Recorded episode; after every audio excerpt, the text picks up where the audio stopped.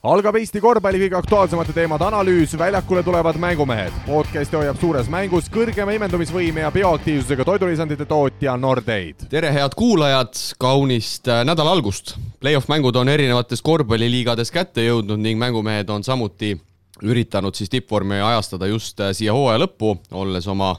esimese täispika hooaja kolmekümne kolmanda saatega teie kõrvus. hea meel on taas kord tervitada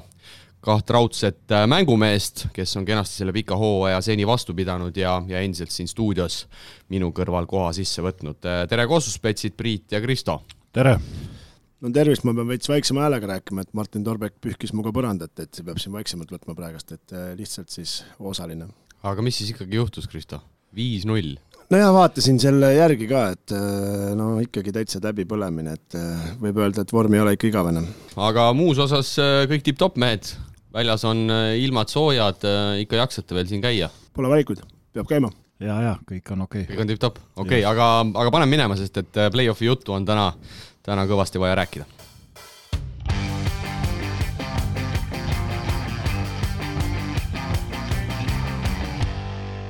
korvpalli meistriliigas mängiti eelmisel nädalal ära veel neli viimast põhiturniiri kohtumist ning juba sel nädalal saavad siis peetud ka kõik kolm veerandfinaalseeriat. vaatame põgusalt üle, kuidas mängiti ära põhiturniiri viimased mängud ning teeme põgusad eelvaated siis eesootavatele veerandfinaalidele, aga, aga enne kui hakkame mehed veerandfinaalpaaridele otsa vaatama, siis mis põhiturniiri viimastest mängudest veel silma jäi, ütleme siis ära, et üks mäng oli kolmapäeval ja kolm mängu mängiti siis ära laupäeval. no ega ega nüüd midagi keegi ei üllatanud, et kõik proovisid need mängud kuidagi ära mängida. aga no mis siin silma hakkab, et noh, mõnel võistkonnal ikkagi ega ei ole mingil kaitses mingit ideed tekkinud ja, ja mõnel võistkonnal nagu see enesekindlust nagu väga välja ei paista ja, ja ja pahad vigastused on siin mõnda võistkonna tabanud, nii et kui me siit otsast peale hakkame nende paaridega minema, et eks siis saame täpsemalt üle käia jaa, et ega midagi erilist siin ju mängus ei olnud ja siin äh, igasugu lühendamisi ja mingid mängud jäävad mängimata ja hakkab play-off pihta uuest nädalast, et see oli niisugune lihtne äh, proovikivi, ütleme kõigile, et üllatav lihtsalt, et kõige üllatav minu jaoks oli, et Tarvas kaotas Raplale, kui polnud ühtegi mängujuhti ja, ja Ruubel pani viisteist punkti, et äh, oskab küll, kui tahab. Aga selgelt, Priit, oli näha, et äh, treenerid ikkagi juba proovisid ja eksperimenteerisid erinevaid asju seal just laupäevastes mängudes ei saa nii väga öelda, et äh, ega keegi ei taha järelikult kaarte avada ja kõik äh, hakkavad nüüd üllatama esmaspäevast alates, niisugune mulje jäi nagu, et et eks siis täna ole, täna ole kohe näha, mis siis siin tuurid, mis tuurid üles tõmmatakse, mõned mehed puhkasid siin äh, laupäevases mängus Tallinna Kalevi poolt, nüüd, nüüd on energiat nii täis, et, et ma arvan, Pärnul ei ole siin üldse mingit variantigi. no ütleme nii, et äh, Tallinna Kalevi jaoks läks nagu piltlikult öeldes natukene ilusamaks, et me juba teadsime siin veebruaris või jaanuaris, mille me analüüsisime, et, et kahe mänguni peetakse, kõik rääkisid kolmest, aga no reaalsus ongi kahe mänguni, et seal ütleme, esimeses mängus üllatada ja luu kurku lüüa vastasele, siis tugevamale vastasele, siis võib isegi seal õnne olla, aga noh, ega seda ikkagi päris õnnega ei ole, aga siin pahasi päevasi on Pärnul ennemgi ette tulnud, aga noh, tõenäosus, et seda juhtub, on ikkagi päris äh, nullilähedane. Ja põhiturniir läks siis äh, järgnevat lukku, Petse-Kalev Cramo esimene otse poolfinaali, teine Pärnu, kolmas Rapla, neljas Tarvas, viies TalTech, kuues Tartu ja, ja seitsmes äh, Tallinna Kalev ja, ja hakkame siit siis kohe paaridega pihta, esimene veerandfinaalpaar, täna alustavad siis Pärnus Pärnu Sadam, Tallinna Kalev, Tallinna Ülikool. No Tallinna Kalev sai siin valusa uudise, ameeriklastest keskmängija Tyler Robertson on Achilleuse kõõluse vigastusega väljas, aga samas ei ole probleemide vaba ka Mihkel Kirves, kellel on siis probleeme hüppeliigesega, aga ma julgeks ikkagi pakkuda, et et siin seerias väga üllatusmomenti olla ei tohiks noh, kui Pärnu ikkagi tahab ennast rehabiliteerida ja midagi näidata, siis ei tohiks siin jah, Kalevit nagu üldse mängu lastagi. Ja ega Kalevi poolt nagu ei ole siin nüüd äh, mingisugust süsteemi nagu küll ei paista, et, et ei rünnakul ega kaitses, et kõik on niisugune pooljuhuslik ja, ja noh, kui kukub, siis võib midagi olla, aga, aga ka Pärnu on tegelikult ju läbi hooaja kaitses päris hästi rassinud ja ja eks niisugune töö, tööga nad võtavad selle ära, ma arvan, kaks-null ei no loogiline lahendus oleks, et siit kaks-null tuleb, aga, aga no ikkagi kuklas ja meelel on ikkagi see, kuidas Pärnu on kaks korda tähtsad mängud sel aastal ära käkerdanud, et Rakveres ja Riias, et kuigi jah, ütleme Riias oli gramm tugevam vastane ja ega Tarvas mängis ka hea mängu, aga noh, ikkagi seeriaga, aga samas ma räägin, et kui oleks see kolme mänguni, oleks nagu lihtsam, aga kui on kahe mänguni ja jääd üks-null taha, siis juba hakkab, hakkab olema, aga noh, Tallinna Kalevi poolt ei näe seda kiirt, et äh, no peavad ikka väga sõgedalt ja hullult sisse ajama, et Pärnu rivist välja ajama, teine peab ebaõnnestuma, et pigem peab nii olema, et Pärnu läheb täiesti lati alt ja Tallinna Kalev teeb oma mingi hooaja parimad mängud. no siia vahepõikena Lätis mängitakse ka veerandfinaale, ma ei tea, kas olete jõudnud jälgida ja ja Läti ülikool siis mängimas Ogre meeskonnaga ja Läti ülikool siis teise mängu võitis Ogre vastu koduväljakul kaheksakümmend kaks, seitsekümmend äh, laupäeval ja viigistas siis seeria üks-ühele, teises paaris Leepa ja kaks-null käis üle Valmierast, nii et nii et siin on räägitud kõvasti, et see Ogre on jube, jube kõva sats, aga, aga võta näpust, et Läti ülikooli noored suutsid juba ühe mängu seal seerias ära võtta. no eks seal vaata võib-olla see ka, et ei noh, ei ei pea pingutama nii väga, et, et noh, hea küll, seeria ongi sellepärast nagu teistsugune asi, et et, et noh, Okkere sai okei okay,, sai ühe tappa, noh, mis seal siis ikka, et ega mängud lähevad ju edasi ja, ja noh, seda enesekindlust me tegelikult ju Riia finaalturniiri ajal nägime, et, et seda neil jagub ja noh, üks läks käest ära, ei, ma sellest ei tee küll suurt numbrit. ei no aga seal mängitakse ka kahevõiduni ju jah no, ja, otsustav mäng teisipäeval. nojah, et selles mõttes, et üks läks käest ära, et ikkagi kui kaheni mängid, siis veerandfinaalis ei taha nagu riskida ka, ma arvan pigem, et kui me siin meenutame, siis enne Final Sixi ju Ogre käis ka koduväljakul, said, vabandust, Läti ülikool käis Ogrest koduväljakul kindlalt üle, et kas seitsekümmend neli, kuuskümmend kaks või midagi niisugust seisu, et ega need Läti ülikooli teine, järjestikune. jah, et Läti ülikooli omad nagu oskavad mängida Ogre vastu, vähemalt koduväljakul, et vaatame, mis sealt välja tuleb, et see oleks muidugi kõva üllatus. aga esimese mängu siis äh,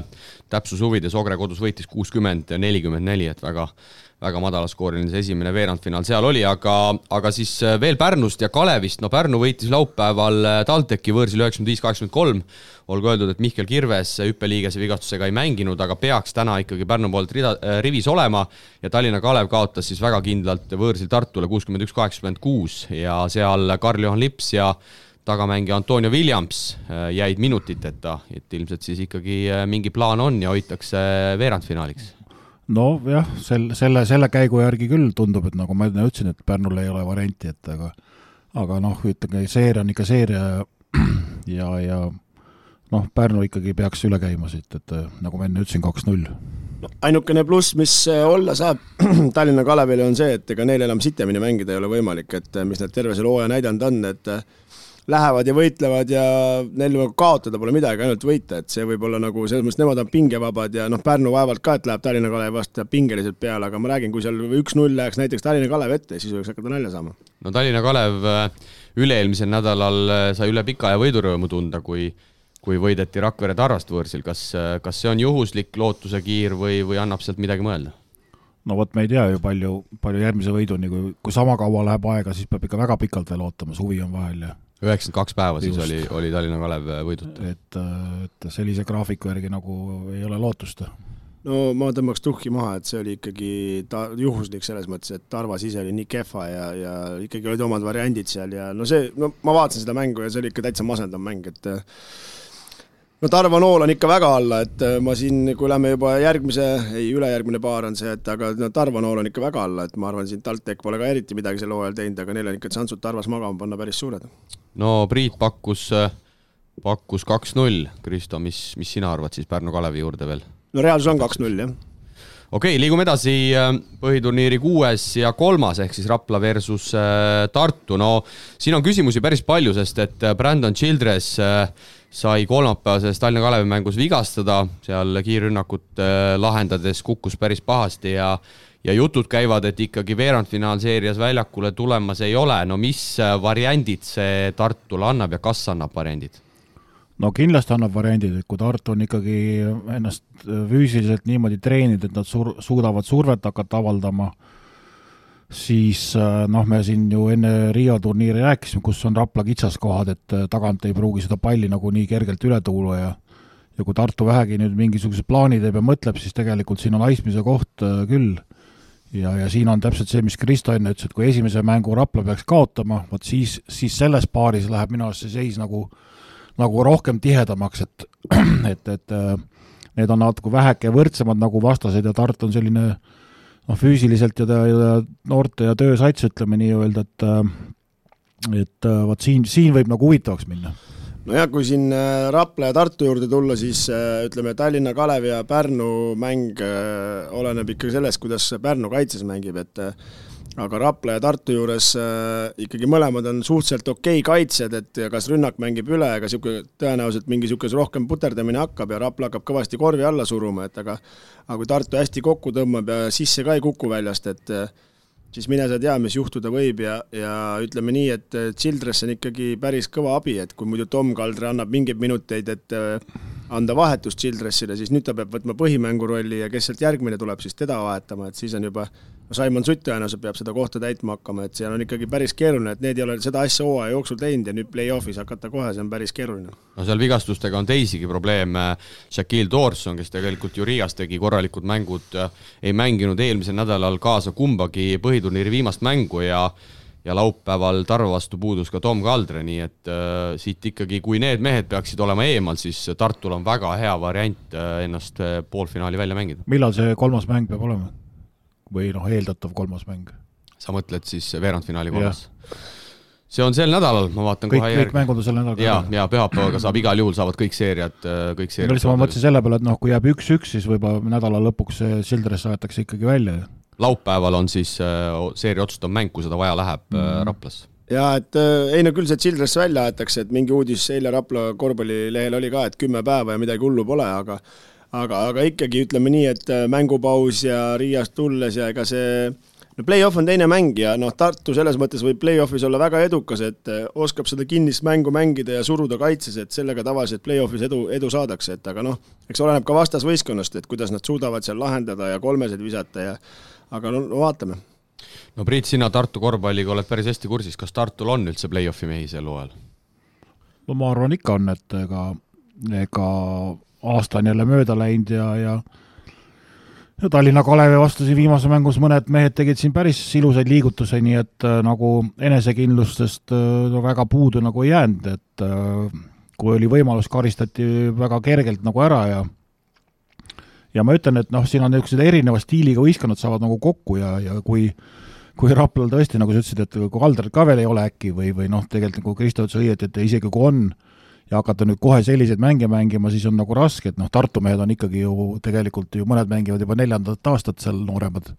nii-öelda noormängijad on tegelikult ju play-off ides osalenud ja juba päris, päris korralikku kogemust saanud, nii et äh,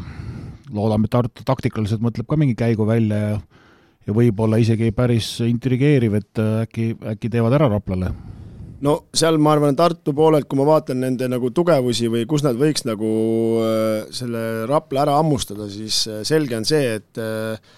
Vembi peab väga hea mängu tegema, siis Ilueedi sealt Leedus, kes see Balantšunas on sinna toodud, see peab ka midagi ära tegema, kuskil ära seisma, sest et Rapla hakkab nagunii alla suruma, et Freimanis, Eelma e, Eelmäe Freimanis, see on nüüd ebavõrdne ju tegelikult mismatch, et Freimanist sealt keerutab ära, aga Eelmäe mängib nelja peal ja rünnakul peab hästi õnnestuma Eelmäe ja Kivi, noh, teised seal saavad hakkama ja muidugi see rootslane, kes neil seal taga on, et äh, see nagu ära kaduda ei saa ja, ja no kõige tähtsam ikkagi, et vahetusest tuleks ka head vahetused, et siiamaani minu arust Tartu rütm on just vahetustega läinud täitsa käest ära.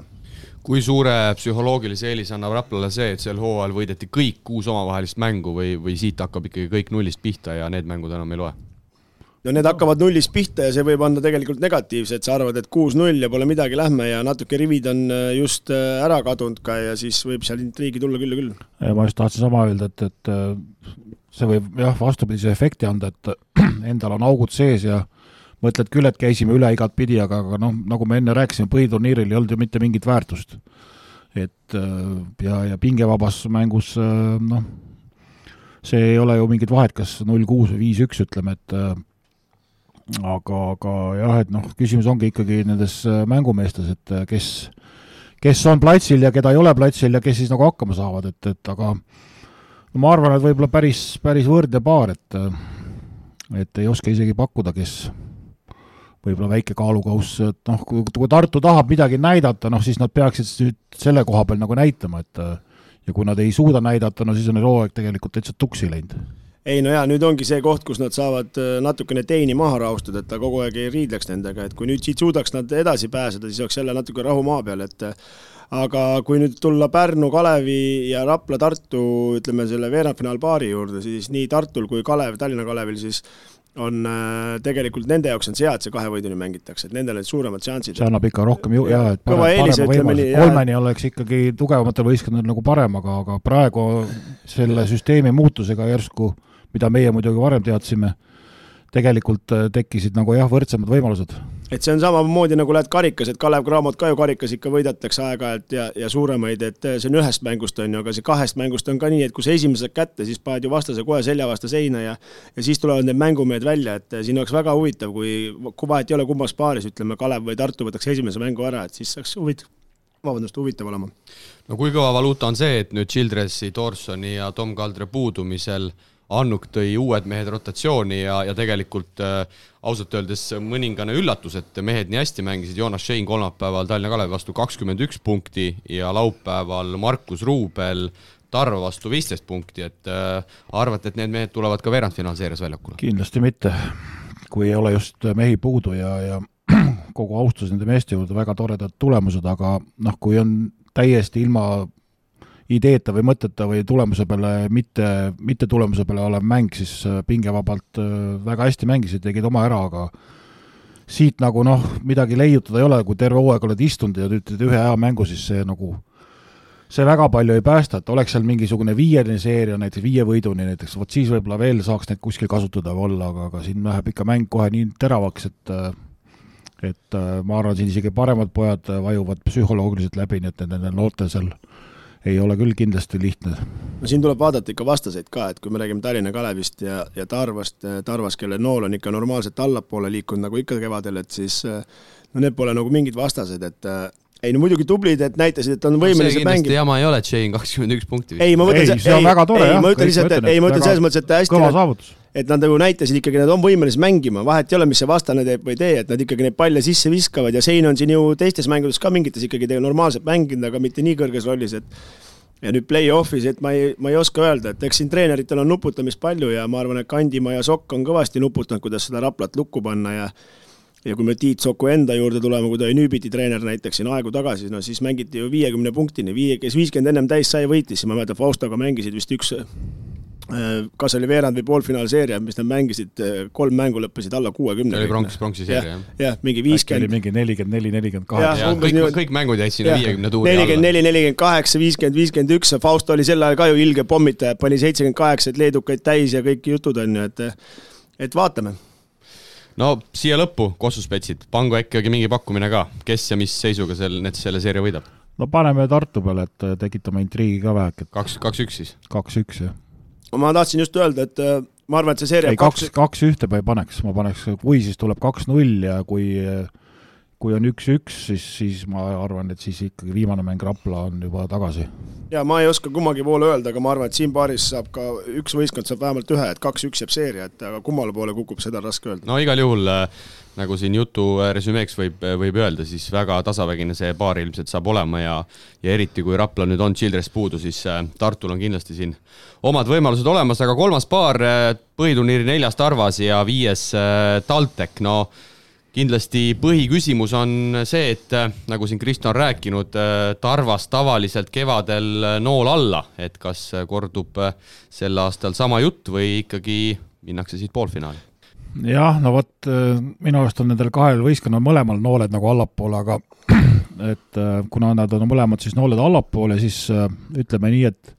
õnneküttide faktor või õnneküttide olemasolu Rakvere Tarvas on natuke suurem ja, ja nemad võivad sellest sellest praegu segasest veest tõmmata tükk maad suurema kala kui TalTech, et kui TalTechil ikkagi mõni lüli jääb puudu ja kõikjal on näod nii kurvad ja, ja, ja midagi nagu sealt mängupilti nagu ei tule, siis Tarvas võib siin mõne kahe-kolme-kolmesega ennast niimoodi käima tõmmata, et TalTechil ei jäägi mingit varianti.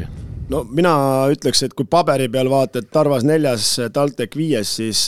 no TalTech ikkagi, oleme ausad, sel, sel hooajal on kogu aeg need vigasprobleemid ja nii edasi, aga ütleme siin viimased kuu või mis nad mängida on saanud siin pärast isolatsiooni, pärast seda Pärnu võitu ja nüüd jälle mängisid Pärnuga ja siis vahepeal vist põrutasid äkki kellegagi veel, on ju, et jooksma nad on hästi saanud, et siin arvestades siin Tarva ka, et kui läheb võidu viskamiseks, kummal see paremini kukub, et seda oleks nagu, on nagu huvitav vaadata ja kumma siis füüsis parem on, et nagu me ka siin ütleme,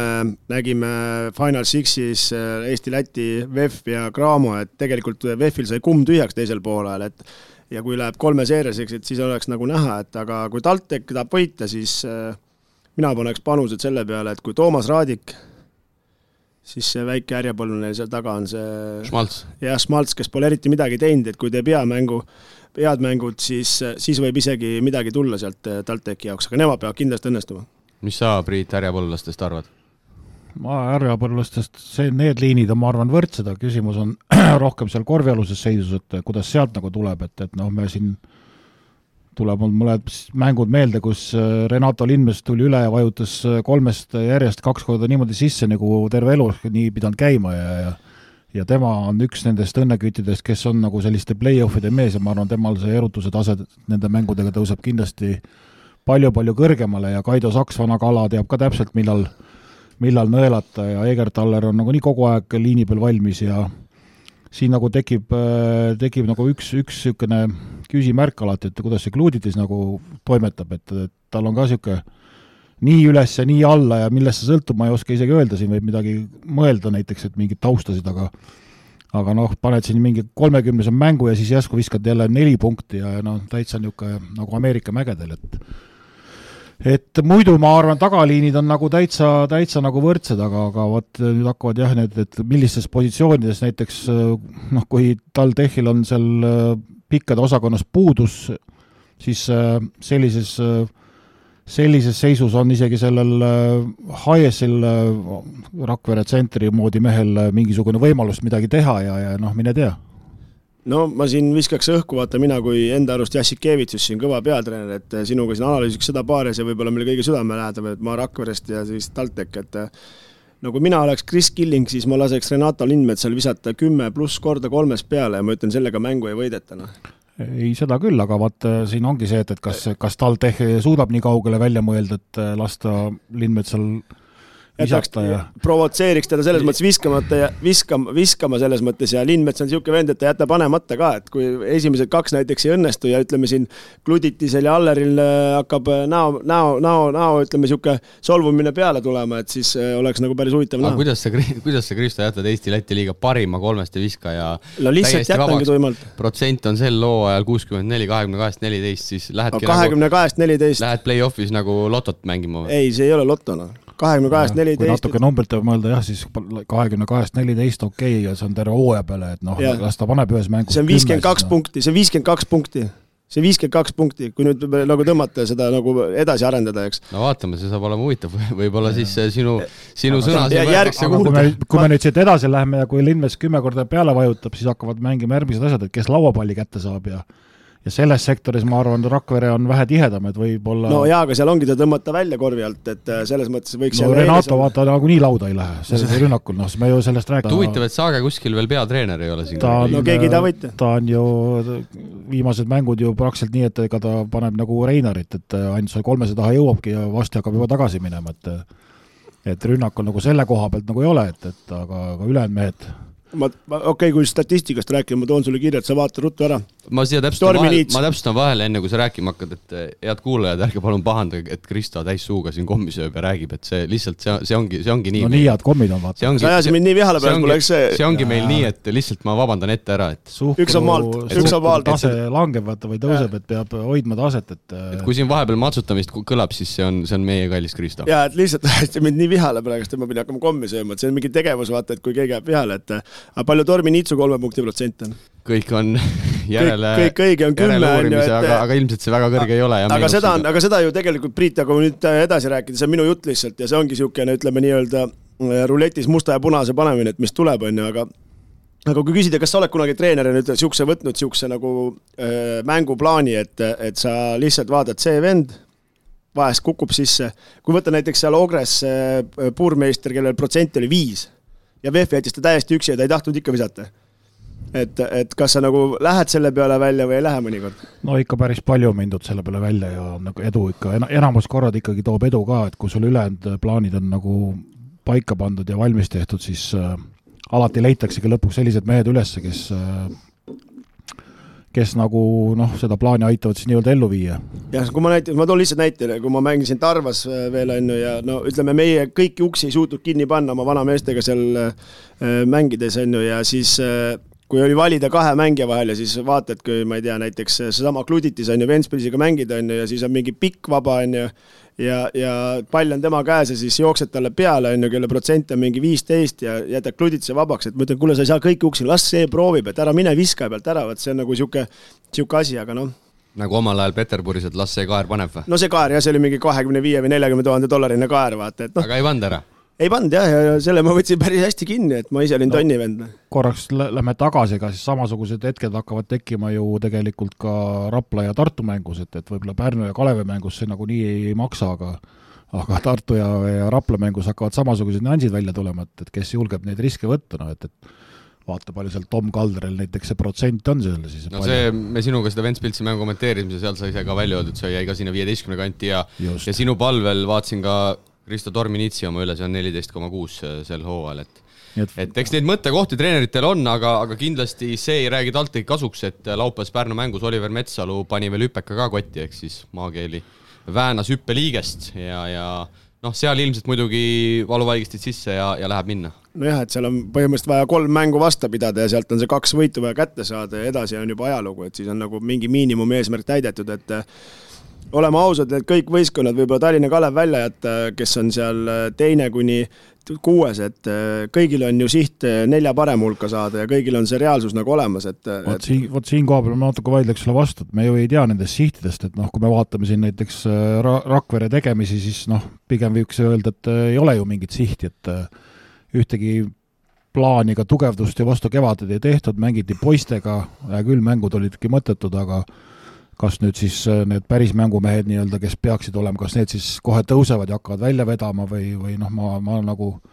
ei saagi nagu hästi aru sellest, äh, mida siis tahetakse. ja Kuksik seest võeti Ogrelt äh, kõva buy-out, aga Saaget juurde ikkagi Just, ei lisatud. et noh, mida, mida, mingid see... küsimärgid on nagu selle koha peal õhus, et no selles mõttes ma olen nõus, et ma ei, ambitsioonidest tõesti nagu aru ei saa sel hetkel ja, ja, ja kuhu seda üldse tahetakse või seda tahetakse lihtsalt ja see esimene ambitsioon oli küll võimas, et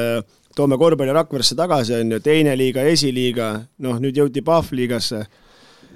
noh, ma saan aru, raha ei ole, mida iganes ei ole, on ju, aga, aga no ma ei tea, kuidagi natukene jääb endal ka segaseks, aga ei hakka seda lahkama siin praegust, et et vaatame, millega nad edasi lähevad ja kaua see nagu kestab, nagu selles mõttes, et niisugune Rakvere on ikkagi harjunud medalitele mängima ja, ja emotsiooni, et kui see publik nüüd saali tagasi lastakse, siis hakkab seal kõvasti vilet tulema, et niisugust jama küll korraldada ei saa aga siia pika jutu kokkuvõtteks, äh, mehed, teie ennustused siis selles seerias? no ma ei hakka numbreid, ma ei, ma ei oska öelda, aga ma, ma panen Rakvere peale. no mina pean ka Rakvere peale, muidu ma ei saa kõndida, et sa siis paned TalTechi. ma panen TalTechi peale, absoluutselt. no siis on kõik jagatud põhimõtteliselt. jaa, siis on jagatud viisakalt. Nagu võiks medaleid ka jagama hakata või? No seda, sellega tegeleme. võtame jätame järgmiseks korraks. jätame midagi järgmiseks korraks okay. ka. aga siia Eesti liiga rubriigi lõppu veel äh, räägime natukene naiste finaalseeriast ka Äh, kaks-null ja, ja otsustav mäng siis äh, pühapäeval, täna, kui me seda saadest lindistame Tartus, oled jõudnud, Kristo, jälgida naiste finaalseeriat? Nojah, et siin üks sinuga naist... ju karikat kommenteerisime. jaa, see minu lemmik, keda ma teadsin, Anna-Grete Asi pani kohe kolmkümmend kuus alustuseks, näitas, et ta on valmis ja teine mäng pani kümme söötu, noh et, et hetkel tassib, tassib Anna-Grete Asi ja Ardet tuleb ära, kolm-null no kas ta kolm-null tuleb, aga kolm-üks tuleb kindlasti ära, et see karikas läheb Tartusse ja natukenegi palsamit sinna kontorisse Taltsile ja Petersonile. oled sa, Priit, jõudnud naistemänge jälgida, viimati siis kolmkümmend aastat tagasi suutis Tartu naiste meistriliigas tiitli võtta? nojah, eks see uus töö sunnib jälgima. aeg, aeg on jah, selline segane, et, et natuke peab ühe silmaga jälgima, ei ma ikka tavaliselt ikka vaatan tulemusi ja, ja kes viskavad ja kes toimetavad ja, ja ja selles mõttes jah, et, et noh, et Anna-Grete Asi on äh,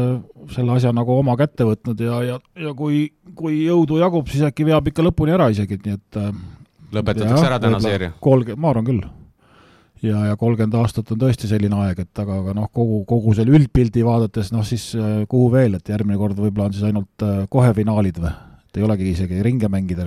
jaa, et äh, kui siin äh, piltlikult öelda, siis Anna-Grete asi on ikka Tartule korralik asi, et see hetkel, hetkel tassib, aga järgmine aasta ta enam pole, nagu me teame, ta läheb Arizonasesse ja ja siis jälle on üks tühimik, mida täita, et ega Petersonil ka kerge ei ole, aga Tartu selles mõttes hästi teinud, et kõik on ühe mütsi all, et kui ühes ebaõnnestub, siis teine tõuseb, et vaatame, kuhu välja jõuab. no igal juhul no,. nüüd, nüüd hakkab äh, siin meie vana sõbra Marko töö nii-öelda pihta, et, et kes peab järelkasvu kasvatama, et palju tema suudab siis äh, pildile neid mängijaid äh, tuua. jaa, Markol hoiame ka pöialt ja, ja küll ta ühel hetkel siia, siia meie sekka ka äh, taas jõuab, aga, aga paneme siit äh, otsad kokku ja, ja jääme siis selle nädala veerandfinaalmänge ootama, jätkame siit Euroliiga rubriigiga. korvpalli Euroliiga kuumimad teemad aitab mängumeestel teieni tuua Eesti Kütusepank, Terminal Oil. Tänusõnad Terminal Oilile, kes endiselt on õlga alla panemas siis Euroliiga rubriigile, kus sel hooajal võib öelda, et on olnud kõvasti põnevust. nüüd on siis põhiturniir mehed ametlikult läbi, kui eelmisel esmaspäeval ja kolmapäeval mängiti ära veel viimased varem ära jäetud mängud ning viimase meeskonnana kindlustas kindla võiduga Panathinaikose üle viimasena koha kaheksa parema hulgas oma teist Euroliiga hooaega mängiv Peterburi seniit. nagu eelmisel nädalal sai lubatud, siis teeme täna veerandfinaalseeriatele põhjalikud eelvaated ning pakume omalt poolt välja, kes millise tulemusega paaridest äh, Final Fouri edasi võiks, äh, võiks minna, aga alustame siis sellega, et äh, seniit ikkagi, mida oli arvata, selle tegi ära, võitis esmaspäeval koduväljakul Panathinaikose suurelt sada kaksteist, kaheksakümmend kolm, Pangoselt kolmkümmend kolm silma, üksteist resultatiivset söötu. No vaatasin seda mängu ja, ja seniit oli väga valmis ja, ja Pangos tõesti noh, ütleme nii, et ega lasti seda kontserti korraldada ka ja, ja mees äh, pani isuga ja mõnikord ikka vaatad, et no kas tõesti ikka selline mängumees nagu suudab asju korraldada ja mina, kui ta Euroopast oli, siis ma ütlen ausalt, ma olen seda enne välja ütelnud ja ütlen veel, et mina arvasin, et sellest mehest ei tule nii kõva mängumees, aga näed, elu tegi omad korrektiivid, aga nüüd, kui hakkame seda paari nagu lahkama, siis siin on üks selline väikene nüanss, et Barcelona peatreener ju Panguse piltlikult öeldes ise tõi ja ise on teda kasvatanud ja, ja ma arvan, ta oskab väga hästi teada, teab, kuidas seda Pangost nagu tagasi purki ka panna, nii et, et see Pangos ei hakkaks seal laiema. küsimärgi jääb muidugi Billy Baroni peale, kes siin ka viimastes mängudes on korralikult äh, esile kerkinud ja enda peale võtnud asju ja toimetanud aga noh, kui võtta, kui hakkame nüüd nagu tulemusest pihta, siis kolm-null Barcelonale. opa, kuulsid, Kristo, siin pandi kohe statement ära. siin pandi kohe paika, jah. jah, aga, aga värskenda, kui ma eksin,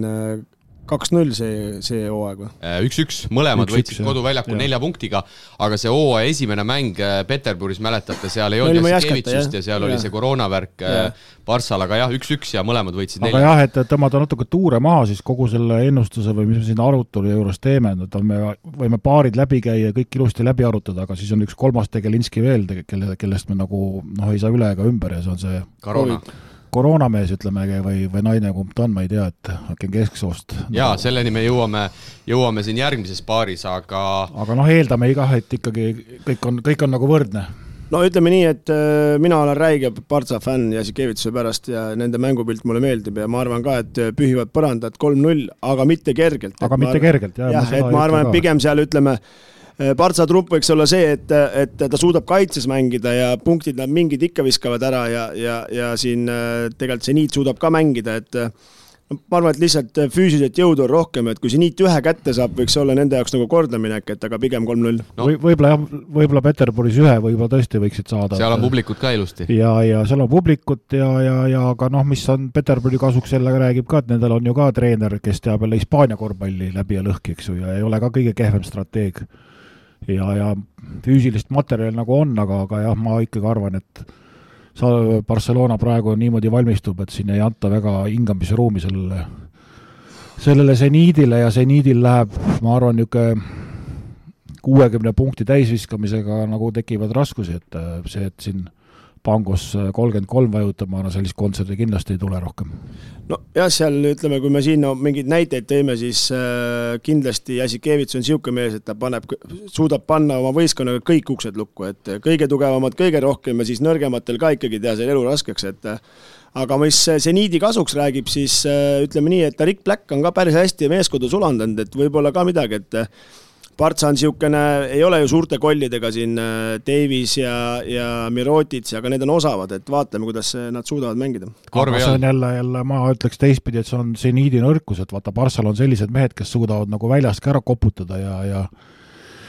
ja kas või meie Läti sõber Schmidt äh, näiteks ju pannakse võib-olla selle Blackile selga, aga rünnakul on niimoodi, et kui Schmidt üleval seisab, siis see Black peab sinna välja tulema yeah. ja teistel Mirotitšitel ja kompaniil tekib palju rohkem ruumi, nii et nojah, et selles, see on muidugi üks kõva pluss, et äh, tõmmatakse välja, jäetakse Mirotitš üks-üks, et kuskilt aidata ka ei saa ja suudab sööta ka päris hästi ja see on nagu kõva pluss, lihtsalt ole mees ja pane ära ja no seda klassi seal on, aga ei, jääme kolm-nulli juurde ja kui siin muud juttu ka, siis seniidi äh, peatreener Javi Pascual on turul hetkel pärast seda seniidi play-off'i viimist päris kuum nimi ja seniit siis tegi lausa kolmeaastase lepingu pakkumise, aga Valencia olevat ka Pascuali praegu kõvasti jahtimas ja Valencia on siis ka oma kaheaastase pakkumise Pascualile ära teinud, aga Zenit siis oma teisel hooajal juba esmakordselt äh,, esmakordselt play-off'is, aga aga ma arvan ka, et need võidud suureskoorilised ilmselt Barssal ei tule, sest et Barssa tegelikult ju sel hooajal ei ole väga palju punkte visanud ja ja pigem Barcelona mängu iseloomustab selline noh, ei ole väga ilus korvpall, mida Barcelona mängib tahtsin just seda öelda sulle, et need mängud ei ole suures skoorisid, aga seal on alati midagi vaadata, seal on neid nüansse ja see on nagu kaasahaarav, et vahet ei ole, mis see seis on, seal kogu aeg mingi action käib, just seda kaitseosa vaadata ja seda Jassikevitšuse riidlemist ja see on ikkagi põnev vaadata. ja sa rääkisid, et treener on turule toodud ja seal jutu sees või intervjuudes on välja tulnud, et keegi veel tunneb vastu huvi, aga aga natuke põikame kõrvale ja, ja tegelikult me siin arvasime, et seniit on järgmine aasta ka Euroliigas ja, ja, ja võib-olla Valencia ka saab, aga nüüd on nagu selgunud, et tegelikult Valencia kindlasti ei saa, on Eurokopi võistkond. Ja seniidil ei ole seda kindlust, et ta läbi VTB sealt võiks saada see jääb täiesti wildcardi otsustada. no räägivad hetkel, ma korra, ma korra segan sind, räägivad hetkel, et äh, seniit ikkagi on äh, nii-öelda esikoha soosik sellele viimasele wildcardile, et esimene wildcard läheb küll, aba, seda küll, aga seal võivad need mängud niimoodi minna, et nad ei pruugi seda ikkagi saada ja Pascal ei ole ka selline mees, kes nüüd tahab teha Peterburiga kolmeaastast lepingut, kui ise intervjuudes äh, kirjutab, et linnas on nii külm, et ta pole sellega ära harjunud. et, et siin on niisugused, niisugused nüansid ja ma arvan, et ta ootab kui nad suudavad ühe võidu Partsa käest kätte saada, siis tema aktsiad veel tõusevad ja, ja siis ta võib hakata hoopis kuskile mõnda Euroliiga võistkonda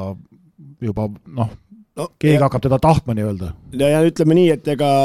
suur tõenäosus on, et Ituudi see aeg hakkab ka läbi saama CSKA-s, et sinna oleks võib-olla veel mõnusam minna, ütleme ka ja, Pascualil ja. sinna ma arvan, ta jälle ei lasta ligi. et no ma ei tea, aga vaatame jah, et aga eks money talk, nagu öeldakse, et vaatame. no selguse huvides kaks wildcardi siis järgmiseks hooajaks on, üks on ära otsustatud, see läheb Aba liiga võitjale, ehk siis ilmselt kas Zverna Zvezda või Budusnost ja teine wildcard siis on räägitud, et kas Zenit, Valencia või Bologna Virtus, aga Zenit pidavat olema seal ikkagi, ikkagi no Valencia kukkus välja sellest juba, sellest äh, variandist.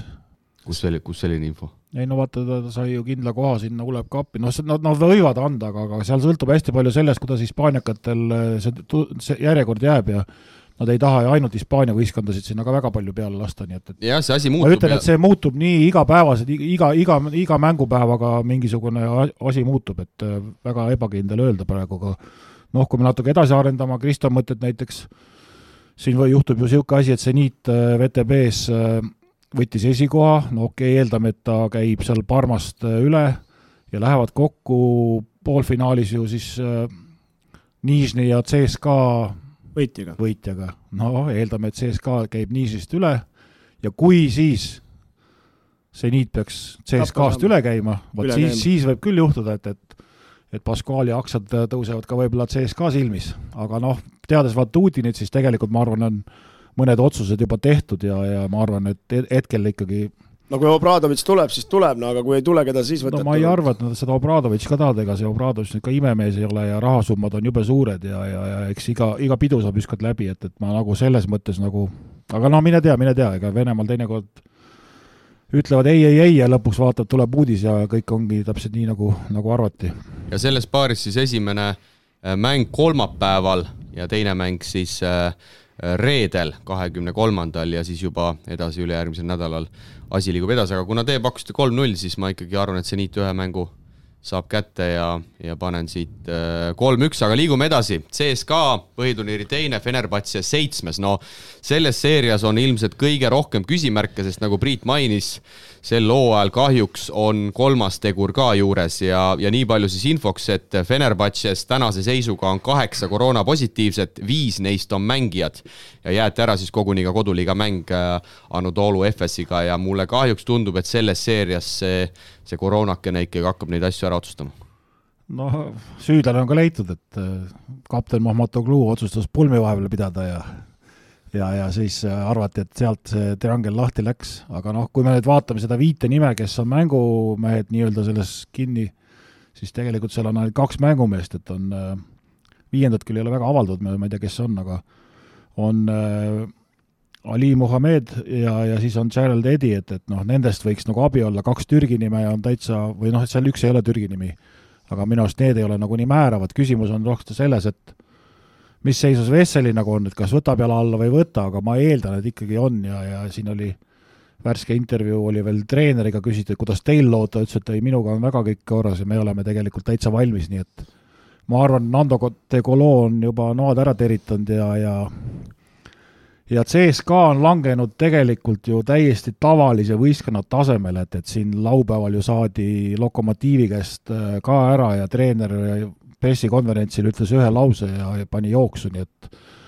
et asjad on ikka väga hapud ja, ja CSKA-l ei ole nagu seda jõudu kuskilt ju juurde võtta. Nendel ju Milutinov on out, Mike James saadeti minema, no ma ei usu, et nad Mike Jamesi seal mingi nädala pärast tagasi hakkavad tooma. Fenerbahce'l on see, et, et kui nad selle esimesed kaks mängu ära mängivad, isegi kui nad kaotavad, siis nendel on seda lisa, lisakäiku nagu veel juurde võtta ja siis on kaks mängu Türgis ja, ja vot siis jääb kõik selle viienda mängu peale ja ja, ja ma arvan, et sellises seisus on täna isegi Fenerbahce vähe paremas konditsioonis kui CSKA. no mina ütleks, et kui Veseli saab korda, no see Edi ja, ja Muhamed võib-olla mingil määral seal mingi viie minuti mehed on kõige rohkem, on ju, aga need pole hullu, on ju, kui Veseli saab korda, ja saavad seal soojaks ilusti esimese mänguga Moskvas, saavad võib-olla näiteks tappa selle, teise võtavad ära, siis on juba kõik kaardid nende käes ja, ja ma ütleks, et seal ikkagi, ma arvan, et Venemaa võtab ära. Sel hooajal siis üks-üks, CSKA võitis võõrsil ühega, aga omakorda kaotas kodus kuuega. ja siin on spekuleeritud Mike Jamesi osas, et äh, New York Knicks ikkagi äh, ikkagi tahab teda endale võtta, olgugi et alguses tuli info, et ükski NBA klubi Jamesist huvitatud ei ole ja et tuleb CSKA-sse tagasi, aga ma usun ka, nagu Priit mainis, et noh, vaevalt teda siin äh, koosseisu lülitatakse, isegi kui ta Venemaale tagasi tuleb, et see otsus on tehtud ja nii palju selgroogu ikkagi CSKA meeskonnal on. no ma arvan küll, aga siin ridade vahel tegelikult noh, on ju tegelikult, võtame väikse, väikse tausta vaatame, kes on, äh, seal on ka New Jersey ju läbi käinud sellest nimekirjast ja mina arvan, et see New Jersey on vähe, vähe, vähe reaalsem variant, et omanik on ju venelane ja ega siis Vatutin teda ju tunneb väga hästi ja, ja seal käib niisugune väikene sulle-mulle. sussa-vussa sulle-mulle, ütleme, ja, ja, ja no kõik, kõik on lõpuks nagu rahul. kolm-üks.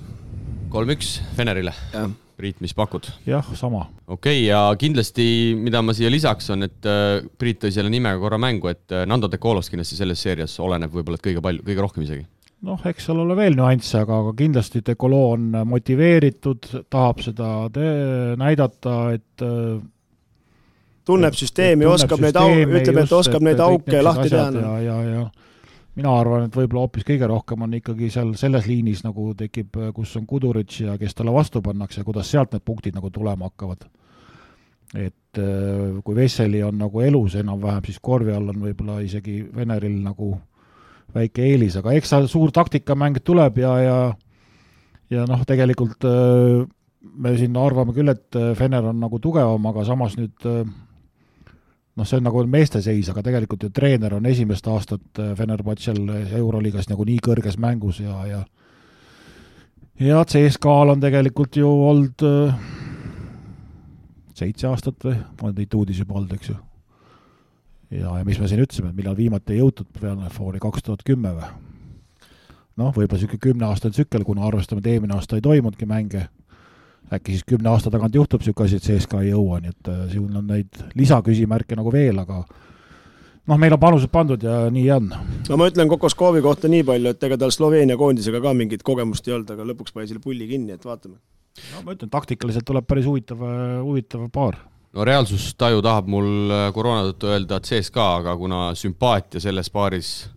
kuulub minu poolt igal juhul Fenerbahcele, siis ma ütlen kolm-kaks, oota, Kristo ütles kolm-üks ja sa ütlesid Priit? ka kolm-üks. ka kolm-üks. ma arvan, et me leppisime ennem kokku. ma arvan, et Fenerbahce enam ei, sinna CSKA-sse ei taha minna. Teil on kõik seeriad on samad, jah? jah, me ennem istusime õues autos, rääkisime, leppisime kokku. aga, aga see seeria siis samuti algab kolmapäeval ja, ja jätkub siis äh, Moskvas äh, reedel. liigume edasi, kolmas paar, põhiturniiri kolmas Anadolu Efes ja kuues Real Madrid ja jälle siin Ataman on kõvasti vahepeal sõnu, sõna võtnud, sellele mehele rääkida meeldib, tuli lausa raamat vist temast välja ja tahab siin dokumentaali ka oma elust tegema hakata. aga Atamani hinnangul Real on nende jaoks väga ebamugav sats, sest et mis kõige olulisem play-off'i mõttes, väga kogenud ja seal neid mängijaid tegelikult on päris palju, kes selliseid mänge on mänginud. Jesper Parve kirjutas Atamanist ka raamatu või? jaa, Apollos saab. Ah, esimesed sada Kristo autogrammiga ah,. Okay. peale lindistust võid kohe minna noh, siin on jah, selles paaris on äh, küsimusmärke rohkem Reali peal, et äh, mida siis äh, välja suudetakse mõelda ja, ja mina arvan, et noh, Ataman räägib kogu aeg niisugust juttu, et tema on võib-olla varsti järgmine Türgi president ka, et, et no, umbes nii räägibki kusjuures. pilved ei ole enam kaugel, ütleme, et üsna käeulatuses juba ja, ja ja, ja kui noh, ütleme jah, et ega kogemust Realil on, füüsilist võimekust on EFS-il rohkem, aga teinekord see nagu ei maksa ja kui EFS läheb väga lolli äh, lolli jõuga peale ja tahab äh, teha sellist mängu, nagu nad põhijooajal on näidanud, siis nad võivad endale valusalt näppu lõigata. no FS-i kõige suurem küsimärk on tegelikult, kui sa suudad lõigata kaks lüli ära, siis sealt ju pool võistkonda on läinud, no Missits ja Larkin, kui sa need suudad ära nagu ütleme, täitsa ära lõigata siin mingi öö, neid punnitama panna ja viie-kümne punkti peale, siis on ikkagi, aga noh, mis Reali kasuks räägib, on Edi Tavares, et kui sellel venel ikkagi tuju on ja, ja siis ta ikka lammutab selle täitsa korvi alt ära, ma eeldan ja, ja mis on nagu veel niisugused äh, äh, mängupildid olen vaadanud, niisugused tuimad mehed nagu Trey Tompkins, võib seal nurgas koputada rahulikult viis tükki niimoodi ise ka silmi pilgu ja, ja siis äh, äkki minu sõber ka seal hakkab mingi imeasju tegema. aga selles osas on küll huvitav hooaeg olnud, nagu Priit juba CSKA puhul korra mainis, et Real on ka ikkagi täiesti tavalise keskmiku tasemele kukkunud, okei okay,, seal on vigastused ja muud asjad ka seoses, aga aga Real ja CSKA ikkagi ei ole enam need tipud, mis nad siin viimastel noh, vaata, kui sa ikkagi alustad hooaega mingite plaanidega ja sul järsku kaks põhimeest nagu ära lähevad,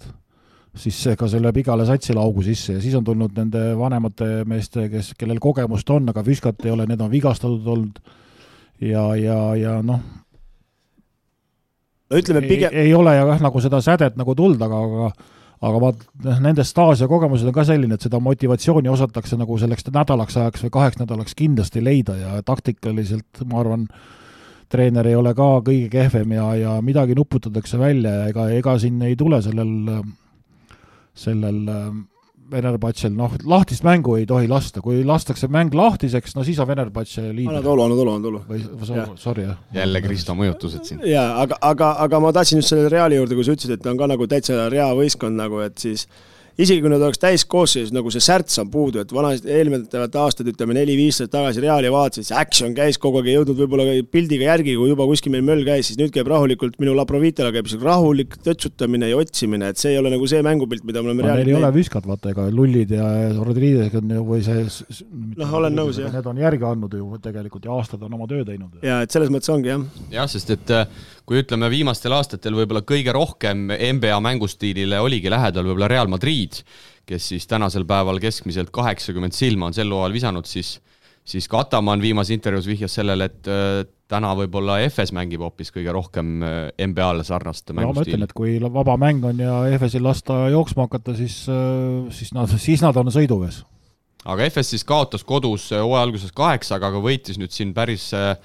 päris äh, hiljaaegu kahekümne viiega Reali, Reali võõrsil ja, ja see seeria siis saab alguse homme teisipäeval ja jätkub siis äh, Istanbulis, Istanbulis äh, neljapäeval ja, ja panused siis mehed? ma arvan, et kolm-üks ja siis ikkagi läheb Türki. Läheb Türki, ma pakun ka kolm-üks, ma siin Priidule panen kohe pinged, et ei saa sama panna. ei, ma võin ikka sama panna, aga, aga jah, et ega, ega ei ole midagi vastu vaielda, et äh, kuigi ma ütlen, et see ei pruugi nii kergelt ja, tulla, see kolm-üks, et seal ikkagi see Real on ka niisugune, et ta võib siin ikkagi segama hakata neid kaarte ja nende ajalugu räägib ka, et nad on, on võitnud ja oskavad võita ja no need, ma panen siis kolm-kaks. jah, et ma ütlen, et pigem võib-olla Real veel, kui siin üllatavaid paare saab olla, siis Venerbatse ja siis ütleme, Real on need, kes võivad nagu üllatusi siin tekitada play-off'is ja play-off on ikkagi play-off ja rahad on nii suured ja meeste IQ on nii kõrge, et seal iga taktikalised nüansid, et kes kuidas äh, kuskil ära kukub siin, piisab nädalaks ära kukkuda ühel mehel, Mitsitsil või Larkinil ja ongi juba vesi ahjus jah, kolm nime ma tooks siit välja Reali poolelt, Kasöör, Carroll ja Lull, kes võivad hakata tegelikult neid asju teisele poole teisel pool sättima, aga ma kardan ka, et ikkagi Larkin ja Missits on liiga, liiga hea soos ja liiga kõva tükk pureda selle Reali tagaliini jaoks ja ma arvan, et see tagaliin selle seeria ikkagi lõpuks otsustab nojah, selles mõttes on sul õigus, et ega siin midagi ei ole vastu vaielda, et see on paberil nii. Chase Carroll võib ühes mängus ju palju pahandust tekitada, ei ole üldse küsimus, aga, aga kas kas pikas seires midagi välja veab, on teine asi. ma lihtsalt arvan, et FS lihtsalt viskab selle Reali selles Surnuks. seerias lihtsalt üle, ma arvan, et Real ei suuda, kui Real oleks sama, sama nii-öelda skoorimise peal, nagu ta on siin viimastel aastatel olnud, siis ma arvan, et tuleks hoopis teine seeria, aga siis oleks võrdne mäng. jah, aga, aga, aga saame näha ja viimane paar siis ja, ja võib öelda, et võib-olla kõige tasavägisem ja kõige ettearvatam arvamatum on siis neljas asetus Milano, kes on äh, pärast kahe tuhande neljateistkümnendat aastat siis tagasi Euroliiga play-off'is ja sakslaste Müncheni Bayern, kes siis äh, esimese Saksa klubina on äh, nüüdisaja Euroliigas play-off'i pääsenud. no Milanol on koduväljaku eelis, aga samas siin tühjade tribüünide osas ei pruugi midagi, midagi määrata. no kui me vaatame isikkoosseisu, siis ma ikkagi paneks nagu Milano peale, et ega treenerile ambitsioonid, klubile ambitsioonid ja, ja kui võtame mängijaid nagu üksikult, siis otsustajaid on Milanol nagu rohkem, kes võivad mingil hetkel nagu punkte teha ja võistkonda tassida, et Bayern on niisugune ühtlasem ja mängib, mängib natuke teistsugust korvpalli, et siin tuleb ka jälle selline omapärane paar nagu, et, et see, mida me siin võib-olla aasta alguses rääkisime, et tuleks huvitavad paarid, siis tegelikult äh, võib öelda, et äh, noh, kõik, kõik läks täpselt nii, nagu, nagu oli vaja või tahta, et, et, et intriigi on nagu igal pool ja ja Bayernil siin kindlasti omad võimalused, aga lihtsalt äh, no jõudu on natuke, ma arvan, niisugune kuuskümmend, nelikümmend on ikkagi Milano kasuks. Ja et äh, ma arvan ka, et Milano on siin favoriit, aga mis teeb natukene, võib äh, teda tagasihoidlikumaks, on see, et Milanol ikkagi mingid mängud, nad kukuvad täiesti ära, et kuigi viimased mängud on normaalsed mängid, aga mingid mängud nad kukuvad ära ja ei saa oma asjadega hakkama ja ja Bayern jälle vastupidi, terve hooaja näidanud, et äh, kui lõpu peale jätta, siis ta üheksakümmend protsenti lõppe võtab ära, noh. et seda mängu kindlasti Milano ei taha lõpu peale jätta hetkel ja ja no ma ikkagi ka ikka Milano poolt äh, selles mõttes olen hetkel, et äh, isikkoosseisult on lihtsalt paremad ja kolm-üks Milanole no see on ilmselt nüüd see paar, kus Milano poolelt kogenud Rodriguez, Heinz ja Tatome tulevad ikkagi suuremalt pildile ja hakkavad seda vankrit seal vedama. no see on kindlasti nende pluss, nagu ma ütlesin enne, et nendel jah, seda materjali nagu rohkem ja, ja kogemusi on rohkem ja teavad, mida teha. noh, Bayerni oma võistkondliku mänguga suudab kindlasti nendele vastu hakata, midagi lihtsat ei tule, aga aga sellistes mängudes jah, Rodriguez äh, teab, millal enda peale võtta ma ei tea, kas Malcolm Delaney on tagasi või ei ole, et, et peaks olema siin viimases mängus minu meelest juba mängis. jaa, mängis jah, et, et, et ka täiesti selline mees, kes võib üksinda asju otsustada, nii et, et äh, sellepärast äh, ma paneks, äh, ma paneks kolm, kolm-null paneks Milanole. mis sa, Kristo, panid kolm, kolm-üks? ja no Bayerni poolelt jälle väike ohumärk on see, et vaid James Kist võib öelda, et on selliseid mänge mänginud no nad on nagu võistkondlikult tugevad, aga need ja, nimed, mis natuke teine asi, ütleme. jah, et no kui sa nagu tõid välja siin äh, Tatome, Heinz, äh, Rodriguez, siis äh, need on niisugused X-faktorid, mis võivad üksi mängu ära muuta ja neid on kolm meest, kes suudavad selle mängu ära muuta, paneme juurde selle Panteri, Jack Ledei, siis äh, Delaney, et seal on neid nagu skooreid ja asju ja tegelikult Milano on näidanud, et suudab head kaitset ka mängida ja Heinziga ongi head kaitset mängitud, et ja no ma ütlen, kui Bayern tahab siin võitu saada, ta peab mängima väga väga intensiivset kaitset ja siis neil peab see tagamängija Baldwin väga häid mänge tegema, et üldse siin mängus pusida, pluss see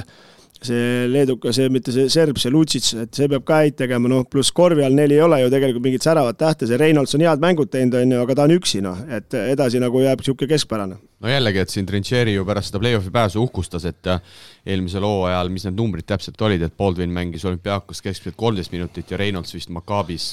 kaksteist minutit, et äh,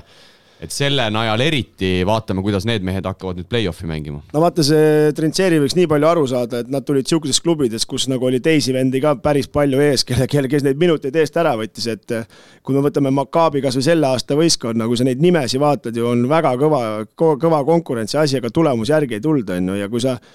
no see piltlikult äh, näitas, et kui sa oled Kalev Cramos hakkama ei saa, lähed Rakvere Tarvasse, pead kakskümmend punkti mängus, siis tundub, et sa oled jube hea mängija, miks sa Cramos ei saanud, aga see taseme vahe lihtsalt erineb väga õige. ja sel aastal siis üks-üks, ei vabandust, see on ainus paar, mis on läinud siis kaks-null äh, Milanole, võõrsil kahega, kodus äh, neljaga, nii et mängiti omavahel väga tasavägised äh, mängud. Ja, ja Bayernil olid siin tegelikult ohumärgid ka. Siin ju äh, Saksa karikas pidavat ära mängitama laupäev, pühapäev, aga see lõpuks ikkagi Göttingeni meeskonna koroona positiivse proovi tõttu jäeti ära, nii et siin Bayern kõvasti kisa tõstis, et nelikümmend kaheksa tundi enne Euroliiga play-off'i algust nad peavad mängima Saksa karikat, nii et saab rahulikult siis Bayern selleks, selleks Euroliigaks valmistuda. Priit pani kolm-null, Kristo kolm-üks, ma panen siis kolm-kaks Milanole, aga selles osas tundub, et me oleme ühel meelel, et Final Fouris siis meie hinnangu järgi Barca, Fenerbahce, Efes ja Milano no ma ütleks ära, et võib-olla, ma ütlen, ainukene kindel, kes seal on, on Barca. Barcelona ja ülejäänud on nii, et no kes suudab oma mängu paremini, kes õnnestub, keegi läheb natukene lati alt ja kohe muutub see seis seal ja, ja, ja see ikkagi karmid, mis nad mängivad üheteist mängu, üheteist päevaga seal ära või mis see graafik neil ette näeb? viiendad mängud, kui peaks viienda mängu peale minema, on kõikides paarides teisipäeval, neljandal mail, aga ütleme nii, et et jah, siin ikkagi väga kiirelt sisuliselt äh, algavad teisipäeval. neli mängu toimub äh, kahe nädala jooksul. jah, et ütleme, ütleme neljateist, viieteist või ütleme, kuueteist päevaga üle kolme päeva reisimised, asjad, et okei okay,, tehakse kaks, kaks, üks on ju, aga, aga siin keegi kuskilt lati alt korra läheb, et siin ikkagi on äh, noh, palju lahtiseid otsi ikkagi, see on lihtsalt praegu sisetunde järgi ja hooaja järgi võiks see nii minna, aga ma arvan, ainukene kindel soosik on Barcelona ja esialgsetel andmetel, kui me räägime juba Final Fourist, siis kas kakskümmend viis protsenti publikut või või üldse mitte publikut seal Kölnis kahekümne kaheksandal kuni kolmekümnendal mail olema saab. jääme ootama. jääme ootama, jaa. sa sebined piletid. aga jagati raha ka Euroliigas, aga noh, kui vaatad neid summasid, siis ikkagi täielik äh, kommiraha siin Barca parimana sai üks koma viis miljonit, Asvel viimase klubina neljateistkümnendana sai sada viiskümmend tuhat. kui me siin rääkisime buy-out idest, oleme rääkinud, et et siin Henri eest Baskonia sai viissada tuhat, siis noh, Euroliiga on ikkagi päris kitsi oma klubide poole noh, see on iga aastaga on tegelikult ikkagi summad suurenenud, ainuke, mis siin nagu tüli tekitas, oli see, et, et Barca sai poolteist ja sama, samaväärne piltlikult öeldes järgmine sats sai üheksasada vist, et kaheksasada viiskümmend jah, CSKA. et see lõi nagu, nagu ütleme siin ajakirjanduses äh, väikse vinguviiuli lahti ja, ja ikkagi, et, et Barcelona ja, ja, ja peadirektor ka hispaanlane, et, et noh, siin kahtlustatakse nagu sellist asja ja kõik, mis need jutud siin lahti on läinud, aga tegelikult ikkagi oleme ausad, et sellise summa peale mängida, see tekitabki põhiturniiril ju mingisuguse väärtuse ja, ja ja täpselt nii ta peakski olema ja küll need summad kunagi kasvavad, aga, aga see on oluliselt, oluliselt parem kui mitte midagi mul sihuke loll küsimus, et kas siis need ennem paika polnud pandud, et lõpetati ära see põhiturniir ja siis hakati ütlema, palju keegi raha saab või? no nii, Barca jäi esimeseks, anname poolteist miljonit. ei, seal ikka mingi süsteem on olemas, see kinnitati tegelikult äh, kogu selle jutu jätkuks ongi see, et sügisel oli see ikkagi juba ära kinnitatud ja kõik klubid olid nõus. jah, et siis nagu ei saaks eriti vingu olla, et äh, pärast ajakirjanik, aga neil on ikka vaja vinguda. no vaata, venelased ikka kuradi vaatasid, et küll, äh, miks need hispaanlased peavad rohkem saama kui meie. aga, aga ei ole klubid väga rahul, sest et siin äh, mitteametlik kohtumine seitsme klubi osalusel Milano Olümpiaakos, Panathinaikos, CSKA, Maccabi, FS ja Žalgiris, et Euroliiga on siis jätnud ikkagi sel hooajal klubid unarusse, et publikut ei ole, aga kuidagi ei ole seda nagu kompenseeritud ja sellega ei olda rahul ja, ja arvatakse, et see peakontor peaks nagu rohkem tööd tegema, rohkem vaeva nägema, et äh, ainult ei saa loota, et klubid ise teevad ja kuna tõesti publiku osa on ära kadunud, siis klubidel nagu on käed natuke seotud ja ja selle koha pealt need mured seal on tekkinud, jah. No eks see põhi, põhimure, kui ma siin praegu mõtlen, on need teleülekannete lepingud, et mismoodi neid tehakse, kuidas seda rahaks realiseeritakse, et kui ma siin mõnikord olen mingeid numbreid kuulnud näiteks Inglise jalgpalliliigas, et siis viimane sats saab ka mingi sada milli, on ju, siis NBA-s ka ju seal on ikkagi kõvad need lepingud ja tuleb mingit raha, et ja kui Euroliigas nad mängivad, seda vaadatakse enam ja sealt nagu mingit tagasi raha ei tule, siis muidugi on nurin taga ja hetkel ütleme, publikut ka pole, siis on täitsa loogiline käik ja, ja nagu me teame, siis need äh, superklubid, võtame siin Reali, Barca, noh, korvpall ikkagi pidavat täielikku miinust tootma ja ja Jalka hoiab neid äh, klubisid üleval ja kui Euroliiga ise ka ei toeta kuidagi, noh siis, siis on ikkagi maru keeruline. jaa, aga ega see areneb kõik step by step, ütleme, et äh, ärme unusta ühte asja ära, et iga, iga võit eraldi maksab ka ikkagi raha Euroliigas, nii et äh, see on veel kõik nagu lisaks ja, ja ja see noh, lihtsalt see olukord on tekkinud, raskuse, et äh, jah, et pealtvaatajaid ei ole, et sa võid ju noh, ütleme Žalgirisel näiteks kindlasti on väga suur osakaal, on äh, publiku toetusel ja publiku rahal nii-öelda, ja ega teised võistkonnad näevad ka vaevat, et võib-olla Venemaal on see asi kõige raskem, aga ka CSKA kurtis näiteks, et nii kui nagu publikut ei ole, siis ka nendel jäävad ikkagi sissetulekud tulemata. nojah, siin võiks piltlikult öeldes, et äh, kui sa ütlesid, need jalkaklubid tõid, et siis mul kuskilt on nagu kõrvu jäänud, et see Partsa ja Real tõmbavad iga aasta rahulikult mingi kuni kümme milli miinust äh, kogu aeg, on ju, ja kui me nüüd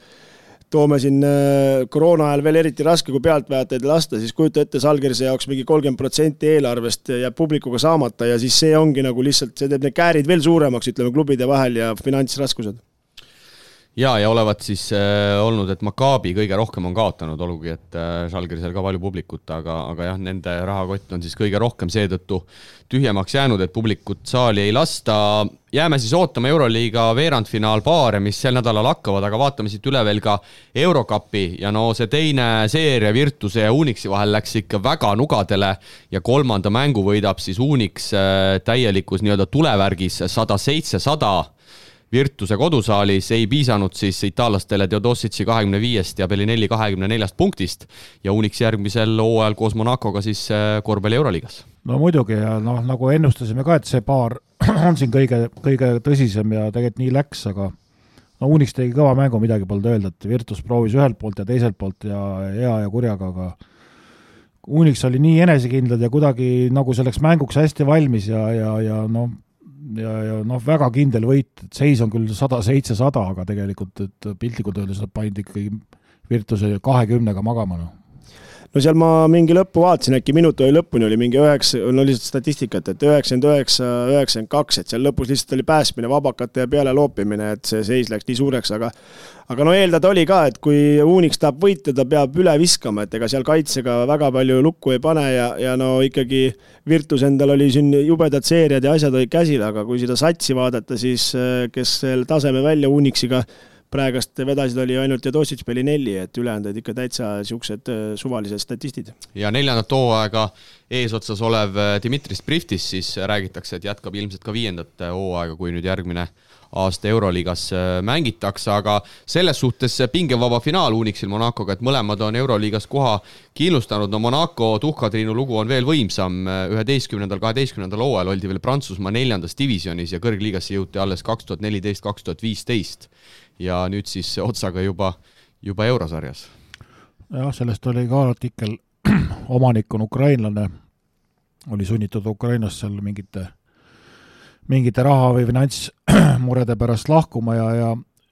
tegi Ukrainas korvpalliklubi ja läks Prantsusmaale ja tegi seal ka klubi ja, ja nüüd on, nüüd on Euroliigasse jõudnud, nii et selles mõttes jah, päris kõva, aga pidi väga korralik klubi olema, kõik pidi olema äh, okei okay,, ainuke küsimus on nüüd selles, et kus mängima hakatakse, et saal ei pidanud äh, vastama äh, nõuetele, et liiga vähe publikut mahub. no ja, ja kui sa võtad Monacot, siis seal seda mammunat peaks olema, kui õieti õigetes kohtades küsida, et siit võib tegelikult tulla päris huvitav sats ja kui seda ukrainlast ma esimest korda kuulsin korvpalli taustaga ka, et küll ta seda biiti jagab ka ja tundub, et kui kümne aastaga jõuad Euroliigani välja, siis ei ole nagu tarvas, et tuled teisest liigast Pahvliigasse, noh ja Monaco peatreener Zvezdan Mitrovic, kes siis Asvelist võib öelda, et sai kinga, Parker pani sinna venna pukki. no võitles ennast tagasi Euroliiga, Euroliiga tandrile, viiekümne ühe aastane Montenegro kodakondne ja järgmisel hooajal siis Eurocupis ka uus formaat, kakskümneliikmelist alagruppi, kust kaheksa mõlemast saab edasi ja seejärel siis kuueteistkümne meeskonna osavõtul hakatakse mängima play-off'i, et tundub, et Eurocup sihib ka sinna lõpuks ikkagi ühe alagrupi peale minekut, ühe suure alagrupi nagu Euroliiga. no sellest on siin aastaid räägitud, nüüd lõpuks on siis üle tüki aja tehakse mingisugune samm, et et hakatakse ka jagama litsentse ja, ja pika kolmeaastaseid neid äh, litsentse ja wildcardi teemad ja jagatakse, kust keegi peale nagu saab, et et lõpuks on nagu Euroliiga nüüd sinna, sinna ka oma toimetamistega jõudnud, et hakatakse seda reformima. aga noh, Briftis muidugi, miks mitte Euroliigas mängida, Unixi kohta tahtsin nagu seda öelda, et, et kuidas on tegelikult nagu targalt äh, ikkagi mindud, et äh, kolm aastat tagasi võeti vana mängumees Koldebella ju Varesest äh, toodi, toodi spordidirektoriks ja, ja mees siin kirjutatakse avalikult, et mees ju toob neid mängijaid ju läbi Itaalia liiga ja, ja hoiab seal silma peal ja vaatab, kes kuidas areneb ja noh, meie siin üks mängijaid, kes siin ka Kalevile palju pahandust tegi, Braun, et noh, neli aastat madalamalt tõusis, tõusis ja, ja nüüd lõpuks näed, Euroliigasse, et et, äh, et kui väga teadlik äh, muutus tehti kunagi nagu Unixis, et äh, hakati Euroopast nagu neid teadmisi nagu sisse ostma ja, ja ja, ja viljad on käes, et ja, ja VTB-s veel ju ka täitsa suures mängus, nii et et väga korralik nagu teema no astuti samm tagasi, tahavad väikse raha eest suuri asju teha ja eks ta nii vaikselt läheb, aga kui selle Eurokapi alagruppide juurde tulla nagu Euroliiga, et võib-olla seal see reformimise juures võiks olla, ma spekuleerin, et, et lihtsalt Eurokapi võistkondadel pole nii palju raha, et käia see kuueteistmänguline turnee ära, vaata, et eks seal oleneb raha tagala kõik, et lihtsam on mängida neljane ja siis hiljem vaata, et kulude värk. aga jah, väga huvitav siis kakskümnest alagruppi järgmisel järgmisel hooajal Eurokapis.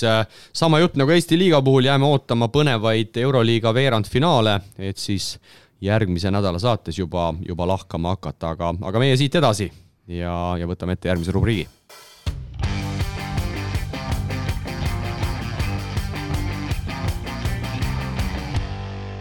Traditsiooniline kõne järjekordsele välismaal pallivale Eesti korvpallurile on tänases osas jällegi aset leidmas ja sel nädalal oleme otsaga Itaalias, kus on telefoni otsas noormängija, seitsmeteistkümneaastane äh, Kaspar Kuusma. no tere, Kaspar ja ma kõigepealt alustuseks kohe lasen sul endal rääkida, kuidas sul seal Itaalias läheb, millal sa sinna läksid ja, ja mis sul seal täpselt toimumas on? tervist, tervist, olen Kaspar, mängin Itaalias Pedatura Rooma korvpalliakadeemias olen siin neli aastat juba praegu mänginud äh, Tunisi ja kaks tuhat seitseteist aastal äh, septembri alguses ja läheb täitsa hästi, et ei kurda et ma siis teen selle legendaarse treeneri Allan Torbeku nalja ka ära, et Alex Tepaja pojale ütles ta, et isa käis sul ilma võtmeteta pangas, aga sa ei ole ühtegi lauapalligi ära, et sinu kohta võib öelda, et isa oli kõva kossumees, et millega siis sa tegeled ja kuidas sul see kossuvärk välja tuleb? No ütleme, et äh, tuleb päris hästi välja, aga on vaja veel tööd teha kindlasti. räägi, Kaspar, kas, kas Itaaliasse mineku kasuks nii-öelda otsustades, kas oli ka teisi variante laual või, või Stella Asura Akadeemia ikkagi tegi äh, vägagi ahvatleva pakkumise? ütleme, et äh, ei olnud teisi variante, oli kas jääda Eestisse, aga kuna ma käisin äh, Stella Asura äh, suvelaagris ja ma nägin, kuidas äh, poisid töötavad, palju treenerid seal on ja kuidas see, ütleme, et äh, energia, kõik kosmoenergia värk, värk on. ma mõtlesin, et ma, ma arvan, et kõige parem valik minu jaoks oleks äh, siia tulla et äh, siin palju on räägitud nende noormängijate minemisest äh, varakult ja sa läksid kolmeteistaastaselt, kuidas sa praegust tagasi vaadates seda nelja aastat vaatad, kas oli raske, tekib koduigatsus või igati õige otsus või see on täitsa individuaalne erinevalt inimestest? No kindlasti oleneb inimesest. Äh, ma valetaks, kui ma ütleks, et oleks lihtne. Äh, aga ma arvan, et kuna mõeldes oma tuleviku peale, ma teadsin, et see on nagu kõige parem valik ainult mulle. nii et äh, võtsin otsuse ja ei, ei kahetse, üldse ei kahetse no selles mõttes, et, et oleme ausad, ega sul seda otsust oli suhteliselt nagu kergem teha ka, et isa sul väga kõva korvpallitaustaga kindlasti andis sulle nõu ja, ja ise ta on ju ka ütleme, palju välismaal mänginud ja kui sul kellelegi vaja helistada on, siis paps ikka alati aitab, on ju, et aga mõtlen, kui mingi tavaline, kellel ei ole korvpallitaustaga, et siis on kindlasti keerulisem, eks? ma ütlen, ma ütleks, et äh, see, see, et kas mu isa on tähtis korvpalli või see väga ei loe selles mõttes, et äh, siin keegi väga mu isa isegi ei tea. aga tänu mu isale kindlasti mul oli rohkem julgust, mul oli rohkem enesekindlust siia tulla. ja ta on kindlasti aidanud mind väga palju et ma just mõtlesingi seda, pidasin silmas, et kui isa, kui sul nagu raskeks läheb, siis isa on selles olukorras olnud, ta oskab sind nagu kergemini aidata või lihtsamini aidata, et et sul oleks seal nagu kergem olla. kindlasti, kindlasti no kaua sa, Kaspar, veel Itaalias oled, kaua sul nii-öelda see noormängija leping seal, seal kestab, et, et mis tulevik võiks äh, ette näha ja kindlasti kuulajatel oleks huvitav ka teada, mis liigades sa täpselt seal hetkel äh, oled pallimas?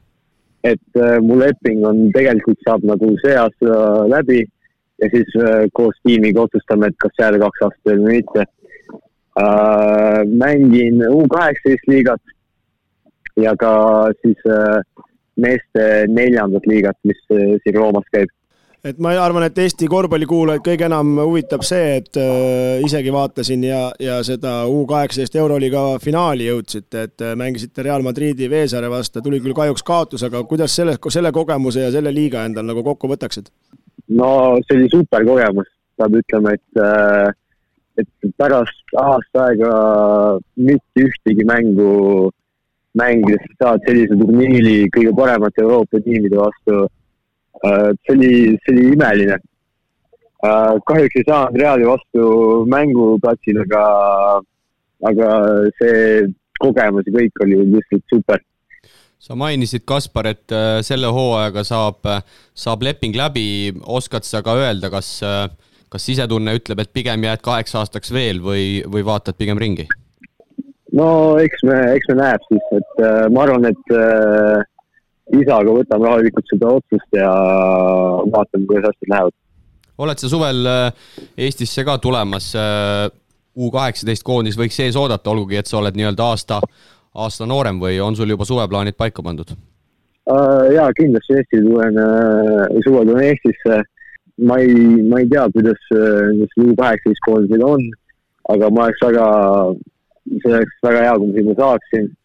äh,. sest koondis on alati hea esitada, esindada. ja eks siis näeb. et kui seda tulla tagasi selle Euroliiga U kaheksateist turniiri juurde, et no suhteliselt loogiline ka, et sa väga palju mängumeetrit saad, sa oled aastaid noorem teistest, et aga, aga kas treeningutel sa kogu aeg treenidki selle U kaheksateist võistkonna, kus sul on aasta nagu vanemad ees ja sa peadki nagu iga päev tõestama, et nendele kandadele astuda? treeningud on iga päev erinevad et äh, üks päev sa võid olla seenioritega äh,, ehk siis äh, selle A2 tiimiga, üks päev sa oled U18 tiimiga, üks päev sa teed individuaalselt, aga tähtis on iga päev anda kõik, mis sul on, et äh,, näidata, et sa oled suuteline mängida, et äh, ikka mänguaega saada sa oled, Kaspar, hetkel seitsmeteistkümne aastane, räägi, on sul juba see Itaalia pass taskus ja kas, kui nüüd veidi kaugemasse tulevikku mõelda, kas, kas näed ennast võib-olla ka tulevikus seal Itaalia, Itaalia liigade tasemel mängimas? Itaalia pass on olemas uh, meeste liigal, et uh, ei ole enam välismaalane uh,. aga ma ei, ei teagi, et näeb, kuidas asjad lähevad kindlasti Itaalia liiga on päris okei okay liiga, peab ütlema, et, äh, et miks ka mitte seal mängida. aga eks, eks, eks me näe, kuidas lähevad asjad no palju sa üldse isaga tänasel päeval korvpallialuselt äh, nõu pead, et äh, läksid ikkagi väga varajases nooruses kodunt ära neli aastat tagasi. ma eeldan, et perega on ikkagi tihe side ja, ja selline nõuandmine säilinud. jah, et, et emaga ausalt öeldes räägin rohkem, aga isaga kindlasti Kosovo asjadest ja, ja üldse, kuidas noh, asjad toimuvad ja värki saab ikka räägitud ja ta nõu on alati, alati väga hea. okei okay,, räägi natuke oma elust ka, et me oleme siin teiste käest ka küsinud, et kuidas see sinu elamine välja näeb, kas sa elad üksinda, elad kuskil ühikas, jagate tuba, kuidas see päevakorraldus nagu on, et inimestel, kes kuulavad, oleks nagu erinevatest kohtadest erinevad infod ka, et, et tutvusta natuke oma kuu- või päevaplaane ka, et kuidas see välja näeb? Elan, äh, no me elame siin väikestes kämpingutes, võib öelda, et uh, kahekesi olen toas uh,, on leedukaga toas. Ütleme, et kool hakkab kell kaheksa, lõpeb kaksteist viisteist, siis on lõuna, koju tulek, väike puhkus ja siis on trenni ettevalmistus ja õhtusöök ja ongi päev läbi. Leedu keelt oskad rohkem kui itaalia keelt või? ei, ei oska. Leedu keel on, ei ole minu teema. aga itaalia keel on suus? Itaalia keel on suus. aga aitäh sulle, Kaspar, soovime sulle siis äh, hooaja lõpuks edu ja, ja, ja kõike paremat sulle sinna, sinna kaugele Rooma. edu, jah! edu ja hoiame pealt! aitäh teilegi! Ja meie läheme siit äh, muude juttudega edasi eestlased välismaal rubriigis ja, ja vaatame siis eelmise nädala olulisemad äh, tulemused ka üle ja siin äh, ütleme nii, et midagi on näppude vahele jäänud. neljapäeval siis Kadrian Lassi koduklubi Ungari kõrgliiga Skjör võitis teise pronksimängu kaheksakümmend kolm, seitsekümmend neli. Kadrilt seitsmeteistkümne minutiga kaks punkti, kaks lauda ja, ja pronksmedalid siis seeria, seeria kaks-null. no palju õnne! see on vist äh, aplausi koht või kuidas, Kristo, hindad? no midagi jäi näppude vahele. ja tegelikult äh, naiste arvestuses äh, Ungari liiga tase on täitsa okei okay,, nii et äh, palju õnne Kadrile siis äh,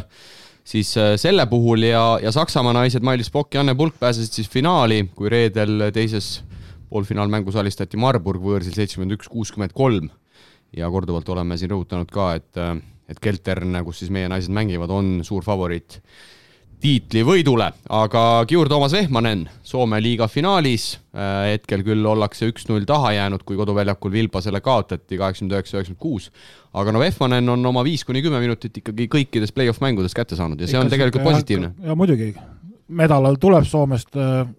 saab kuskile viktoriini küsimusse juurde panema, et siin alustasime mingil hetkel et oli palju Soome meistreid on tulnud, et äkki tuleb üks juurde ja, ja tõesti jah, oma kuus minutit ta ikkagi saab ja ja ei ole niisama, et, et jookseb edasi-tagasi, vaid ikkagi nagu toimetab äh, punktidega ja kaitsega ka, et, et eriti selles, arv... selles mõttes nagu tubli. eriti kui arvestada see Vehmani tausta, kuidas ta Rakverest on sinna jõudnud, et Eesti esiliigast on jõudnud nüüd Soome finaali, et äh, päris muljetavaldav. no vot, tee järgi. no Mart, meil on või maksa kinni. meil on paslik äh,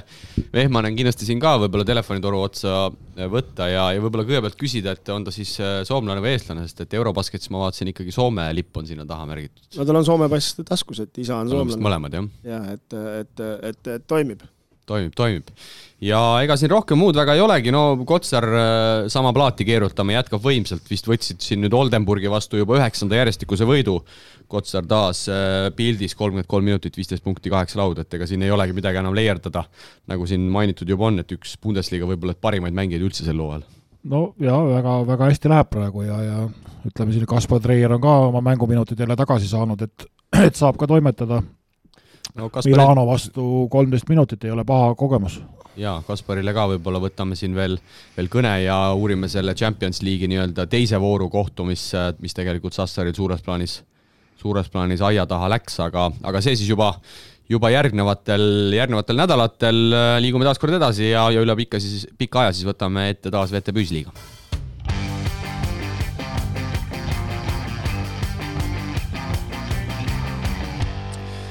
pärast paarinädalast pausi oleme tagasi ka VTB Ühisliiga juttudega, kui Kalev Cramo oli võistlustules laupäeval Moskva oblasti Himki vastu ning räsitud Venemaa klubil suudeti koduväljakul selg prügiseks teha seisuga üheksakümmend üks, kaheksakümmend neli. võib vist mehed öelda, et Cramo jätkas äh, sealt, kus Riias äh, pooleli jäi, kui Eesti-Läti liiga võit ära võeti noh, nagu me arutasime, et, et kui ikkagi võistkond on nagu täiskoosseisus, kuigi Jõesaar oli tolles mängus puudu, et kui ikkagi nagu võistkond on täiskoosseisus, siis on äh, pilt palju ilusam ja, ja ja tagantjärgi võib öelda, et äh, Kemp on osutunud väga, väga nagu heaks ostuks, et äh, möllab siin viimased paar kuud juba ju päris korralikult ja, ja mina arvan, et tema on üks suur faktor, et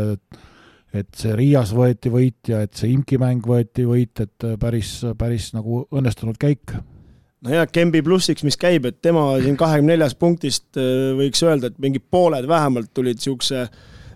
musta töö ja hea nina peale, et kiirest lammutas seal ülevalt alla, noh neli pealtpanekut pani, seal oli mingi, kolm tükki pani vist kiires ja et need on nagu niisugused ekstra punktid, mida nagu ei oota ja sa saad nagu võistkonda kiiremalt head, head energiat anda, et aga no Imki ja Cramo mängu juurde tulla, siis äh, ma ei tea, võiks öelda, et jalutuskäik, et seal vähe ärevaid hetki oli kolmandal veerandajal korra, kui kui maa-alaga üllatas äh, Himki ja Kalev läks kolla krampi, aga lõpuks ikkagi kindel võit. no nagu ma poolajal seal ka mainisin, et äh, kui Kalev Cramo oleks selle mängu kaotanud, siis oleks äh, saanud ainult nii-öelda iseennast süüdistada, et noh, Himki on ikkagi väga räsitud praegusel hetkel. nojah, siin mängu ajal ka rääkisime, et ei tea, mis eesmärgiga me Kollom sinna kohale tuli, et jälle tundus, et keldrist aeti välja üles ja tule kohale, et kakskümmend minti miinus kakskümmend temal väljakul olekul aeg ja, ja no mitte millegagi silma ei jäänud, et päris masendav ja sel nädalal siis äh, põhiturniiri äh, nii-öelda viimane nädal, põhiturniir lõpeb pühapäeval, kahekümne viiendal aprillil, kui koguni viis mängu siis äh, sel päeval ära mängitakse. Cramo hetkel turniiritabelis kümnes, seitse võitu viisteist kaotust, sealt ilmselt tõusta väga enam ei anna, tuleb pigem hoolitseda selle eest, et Jenissei selja tagant mööda ei läheks, aga, aga ütleme nii, et nagu me siin enne salvestust ka rääkisime, Priit, põnevust on, on kõvasti seal, et äh, tegelikult kaheksa play-off'i pääsejat on juba teada, Zenit, Unix, Kuban, CSKA, Nižni, Zeljona, Kora, Himki, Parma, aga kes kellega kokku läheb, see on veel kõik lahtine. jah, kokkuvõttes võib öelda, et võitja või põhiturniiri võitja on selgunud, see on Zenit, seda enam ei muuda. aga kõik ülejäänud on täitsa lahtine ja Kalevil on siin oma roll, et nende enda huvides oleks vaja neil mõlemad mängud võita, Niisni huvi on kindlasti võit saada, sellepärast et viimane mäng Niisnil kodus CSKA-ga, kui Niisni Kalevit võidab, siis äh, CSKA-ga otsustab mäng, kes saab koduväljaku eelise. nii lihtne ongi. kui Kalev võidab, siis paneb Niislile väikse käru ja, ja siis CSKA jääb neljandaks. CSKA on igal juhul oma, oma nii-öelda edusansud äh, maha mänginud, et, et noh, ikkagi neljas või viies koht, et kui ta viiendaks jääb, no siis on juba täis katastroof, aga noh, suurt vahet pole, kas sa oled neljas või viies. Niisni jaoks kindlasti hästi tähtis see, et koduväljaku eelis võtta. ja, ja noh, Imki peale kaotust Kalevile, ega treener ei osanud muud öelda, et kui et hakkame suurt äh, üllatust planeerima play-off ides, et kellegiga meil kerge ei tule, aga kui seda mängupilti vaatasid, siis äh, noh, ega ei ole ju kuskilt seda üllatust võtta, ma arvan, et isegi Timofei Moskov kes siin välja aeti nädala alguses ja Tallinnasse ei tulnud. et no ma ei usu, et sealt nüüd hirmus pauk tuleb. no see IMK uus peatreener Andrei Maltsev on üldse, Kristo juba teab, millest ma rääkida tahan, on üldse omamoodi kuju seal pärast Graamo mängu, tahtis seal Saagega kätekõverduste peale hakata kolmeseid viskama, et noh, ei kujutaks ette, kui siit uudis hakkaks suga seal äh, viiekat panema. no vaata, ma tahtsin sulle näidata, et sa siin teed viieminuse tsempionaati Eesti mänge, et ega ma läksin veits kõrgemale tasemele, et ma hakkasin VTB vendasi ette võtma ja treenerit kohe, et tahtsin temaga teha, aga see jäi viiki praegust. mõlemad paiti juurikasse. me panime mõlemad mööda jah, aga ta söötis palli mulle ja ütles, et viska, ma ütlesin davai, papp palli kraes, Himki, noh, et seal äh, mees hakkas naerma ja siis pärast ütles mulle, et kui ta ära paneb, ma kümme kätekat tegema, aga kahjuks õnne, õnneks läks nii, et ma Himkisse ei pea minema kätekaid ka ei pidanud tegema. no lõbus sell igatahes seal Euroliiga järgsete mängude intervjuudes ka, kui Imkil on need harvad võidud tulnud, siis, siis aga päris, päris omapärast juttu tuleb. kuule, aga sa kujuta ette selle venna, see, mis masendus seal imkis on ja kui sa seda ka veel nagu võtad leina meeleolus, siis see võib ikka täitsa see kaardimaja kokku kukkuda, et seal ainult huumoriga saabki, et seal midagi ilustada ei ole enam. muidugi, aga, aga mingid paarid vist, no ütleme nii, et enam-vähem on selge, et tundub, et põhiturniiri võitja seniit läheb kokku kaheksanda Permi Parmaga ja, ja tundub ka, et äh, CSKA Nižni, emb-kumb siis on neljas-viies, need paarid vist on paigas. aga mis minu arust need kõige, paigas, ja, ja mis kõige huvitavam jällegi on, me saame siin Eurokapi võib-olla kordusetenduse äh, poolfinaalis, noh, et äh, tõenäoliselt Unix ja, ja Lokomotiiv käivad üle. Unixil on pilet taskus, poolfinaali võitja saab tõenäoliselt ka Euroliiga pileti, sest et finaalis on niikuinii CSKA või Zeniit tõenäoliselt, on ju ja noh, seniidil nagu tuli välja, nüüd ei ole seda piletit taskus, et siis oleks vist parem, et seniit, see CSKA saaks sinna, aga, aga, aga see on nagu jälle huvitav. jah, seal võib olla nii, et kõigepealt on veel siin selline mäng, et uh, Unix ja Kuban lähevad põhiturniiri lõpus kokku ja selgitavad välja, kes jääb teiseks, kes jääb kolmandaks, see on väga tähtis mäng tuleb. no kui Unix sai koduväljaku eelise Eurocupis, siis nüüd huvi, huvi poolest võiks saada Kuban tegelikult selle eelise seal, seal jällegi VTB seerias. ja oma kodus võtsid mõlemad kindlad võidud, no mitte kindlad võidud, aga oma kodus ikkagi on Kalju kindlus ja võidud on käes, noh aga oleme vist sellel meelel, et äh, esinelikut vist tagantpoolt keegi seerias ei üllata või, või arvate, et võib tekkida midagi? no nii nüüd sees ka ära sa ütle seal, võib-olla no, kahe no, võidu. siin on hästi tähtis, kas Niissi saab koduväljaku eelise või ei saa, et ega, ega, ega, ega CSKA-l ei ole ka lihtne reisida ja välja sõita ja, ja Venemaal on publik ja kõik on, elavad sulle kaasa ja omade poolt ja, ja pluss paneme CSKA juures selle, et ta mängib Euroliigat ka veel.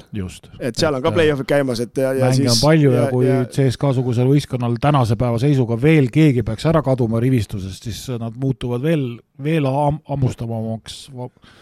hammustavamaks ja, ja Ham, hammustatavamaks. hammustatavamaks jah, ja, ja, ja, ja no mine tea, mine tea ja, ja Ja aga kujut... jah, teised paarid, ütleme nüüd Seljona, Imki ja Parma, noh, et ei usu, et, et siin suudavad väga midagi teha, et ega nendel äh, nendele mängupildide rivid ei ole läinud, sest Parma sai küll play-off'i, aga viimase mängu häbiväärselt kodus äh, sai, sai ju kaotas äh, siin nädala lõpus ja, ja lasi viimasel veerandil endale mingi kolmkümmend viis silma minu arust panna, et äh, jah, tänu sellele siis kindlustatigi, et et hooaja, just hooaja esimeses mängus Avtodori võideti võõrsil vist mingi kahekümne kolmega ja, ja nüüd kaotati seitsmega, et sellega kindlustati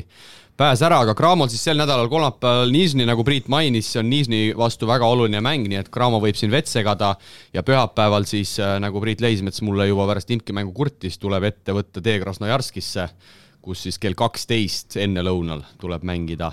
Jenissei meeskonnaga. Ja ma usun, et, äh, et pärast seda siis me teeme ka Cramo hooajast siin saates, järgmises saates põhjalikuma nii-öelda kokkuvõtte ja, ja võib-olla miks mitte võtame Cramo leerist ka kellegi, et see et see hooaeg nii-öelda Graamo mängijate või treenerite pilgu läbi kokku võtta. no see on Graamole tähtis äh, mäng Jenisseigat, et kodus ju saadi tappa, käisime seda mängu vaatamas. ja Jenissei jättis väga hea mulje tolles mängus. tolles mängus oli Jenissei kindlalt üle, et, et kas nüüd Kalevil on võimalus siin võimalus siin äh, nagu vastu hakata ja eks nad omavahel seda kümnendat kohta seal jagavad, et äh,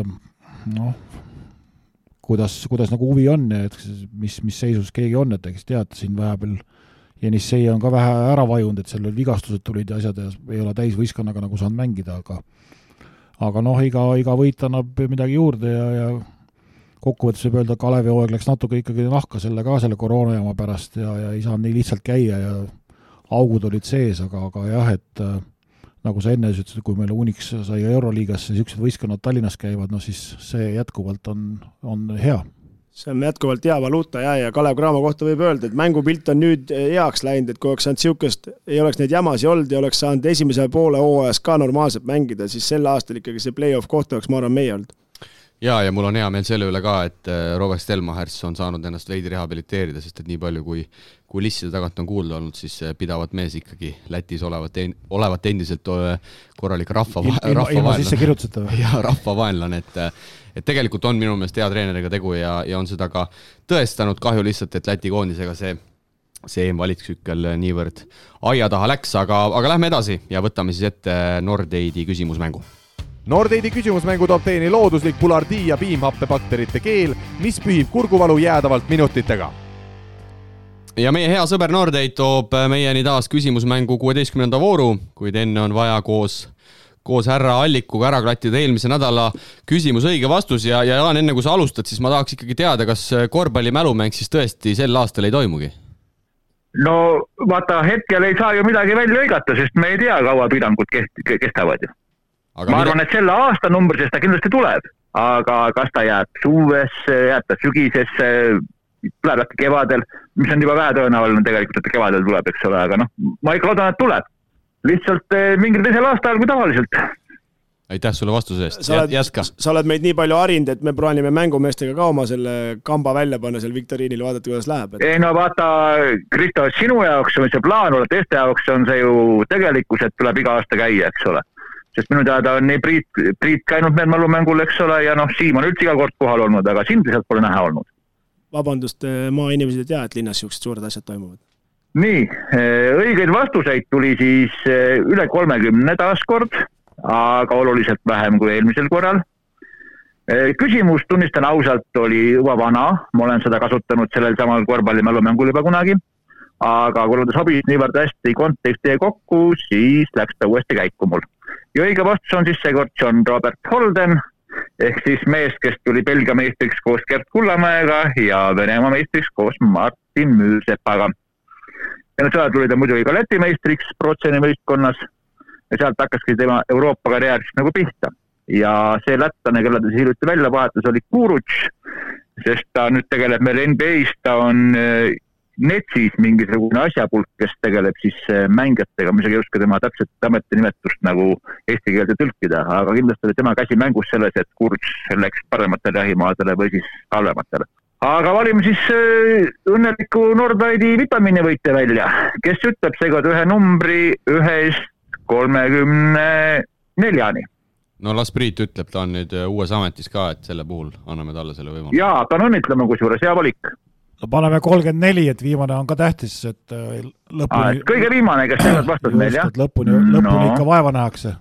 kui oleks seitsekümmend mm., siis ütleks seitsekümmend. No äh, kusjuures huvitav on see, et viimasel ajal meil pidevalt tuleb naisterahvaid välja siin. Anette Merivee saab siis seekord endale selle komplekti. no aga see on ju väga hea ju kõik asjad langevad kokku, kolm korda kolm naiste treener valib kolmekümne neljanda numbri naisterahva, et eh, seal on võib-olla materjali ka kolm, kolm, kolm koondise jaoks. ja oleks ta kolmkümmend kolm valinud, siis oleks see mul isegi veel parem olnud, aga noh, seal oli ka umbes naisterahvas. üldse ma vaatan, et eh, viimased neli siin nimekirjas on kõik naisterahvad, nii et. väga magusad küsimused järelikult nii, aga lähme äkki järgmise küsimuse juurde sest eh, kuna siin oli kurta, et küsimused on liiga lihtsad, liiga palju on vastajaid või õigete vastuste protsent on liiga kõrge, siis ma nüüd eh, mõtlesin, et ma teen teile ühe tõelise pähkli. nii, ja pähkel tuleb nüüd siit.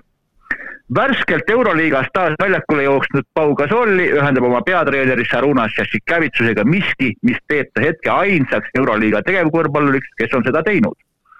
lisaks Gasolile ja Jassikavitsusele on seda teinud ka näiteks Dirk Novitski, Yao Ming Manu Tšinobili, Andrei Kirilenko ja Dejan Podiroga. nimekiri ei ole täielik ega lõplik. ükski USA meeskorvpallur seda siiani teinud ei ole. küll aga on sellega hakkama saanud üks ameeriklanna, mis ühendab lisaks paljule muule Pau Gasolli ja Sarunas Jassikevitšust. ja lisavihje see, et ma üldse uurisin, kes tegevkorvpallis seda veel teinud on praegu tegevmängijatest ja ma leidsin ainult ühe nime. selleks on Vareses mängiv Luis Scola. nii et ma tahan teada, mis on see miski, mis ühendab Jassikjavitsust ja Pau Gasooli lisaks paljudele muudele asjadele no mis sa arvad, Jaan mis sa arvad, kuhu võiduprotsent sel nädalal jääb või tähendab õigete vastuste protsent, mitte võiduprotsent? ma arvan, et esiteks tuleb üldse vähem vastuseid ja ma arvan, et tuleb umbes noh, kolmkümmend prossa äkki õigeid vastuseid. ohoh, ohoh, väga bravuurikalt. no aga enne play-off'i tulebki vaadata, kui heas vormis keegi on, nii et äh, väga asjakohane küsimus hetkel. just, just. nii et eh, tee mul küsimuskamera läheb välja, võta isegi guugeldada, ma luban. jaa, aitäh sulle, Jaan, me teeme seda ja me kohtume sinuga taas järgmisel nädalal, ole tubli aga palun ja kuulmiseni. Nonii, igatahes äh, kuueteistkümnenda vooru küsimus on tõsiasi ja ega meil siin väga palju enam äh, minna ei ole, meil neid voore saab olema sinna kahekümne, kahekümne kanti, kuniks me selle hooajale joone alla tõmbame ja, ja endiselt siis kaks meest lähevad paaris rakendis, Hardi Traumann ja Koit Kalmus on kaheksateistkümne punkti peal. Risto Merimaa hetkel ka auhinnalisel kohal kolmas seitsmeteistkümnega ja siis tuleb juba Brendon Paidra kuueteistkümnega neljandal, nii et eksimisruumi on,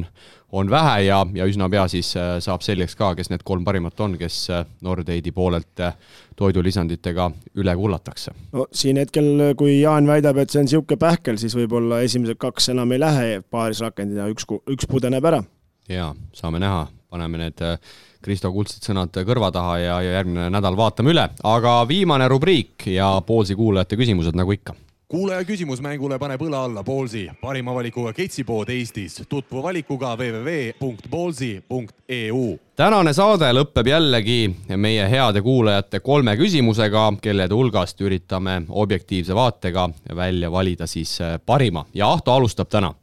tere mehed, Eesti korvpallimaastikul on säravaid korvpallureid üksjagu, kuid päris teravasse tippu on jõudnud siiski vähesed. korvpalli järelkasvule panustades otsime ikkagi kõige säravamaid talente nii-öelda gabariite arvestades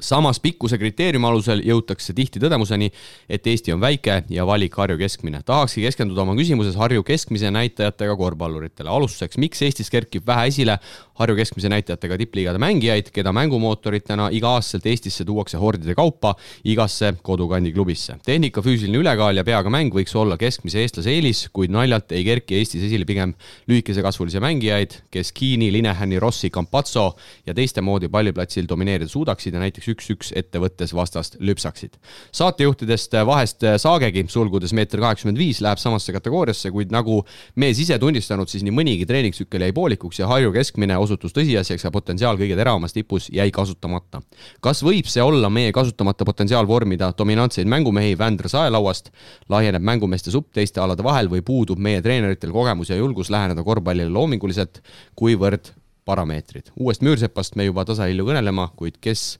meie järelkasvust võiks olla mängujuhtide arvestuses tippliiga Müürsepp, jõudu, Ahto! no nii, Kristo, kuidas selle potentsiaaliga on siis? kui potentsiaalikas sa siis ikkagi olid, räägime selle kõigepealt lahti. ma ei tea, seda on raske öelda, kogu aeg mängisid Harju keskmistes liigades, siis seda potentsiaali on nagu raske näha, et äh, et selle taseme mängisid välja Harju keskmise? no tuleb nii välja, et aga Linehaniga mul niisugune kogemus on äh, isiklikus plaanis, et äh, mängisin Tarvas ja tõin palli üle ja tegin keskjoonel seljaga pöörde ja ja keerasin ära ja panin palli enda arust põrkesse, aga kurat, palli ei olnud, keerasin ringi, vaatasin, Linehan pani teiselt pool juba lay-up'i, et ta võttis niimoodi palli ära, et ei saanud arugi, et see oli küll päris huvitav äh, härjapõlvlane ja ja see vend on selles mõttes nagu hea eeskuju, et, et näitab ka Eesti noortele, et kui siukse välismaalast tuua, siis see ongi nagu see, mille pärast neid tuua, et näitab ka nooremate mängida, et meeter seitsmekümne viiega ka võimalik mängida, kui on õiged nupud ja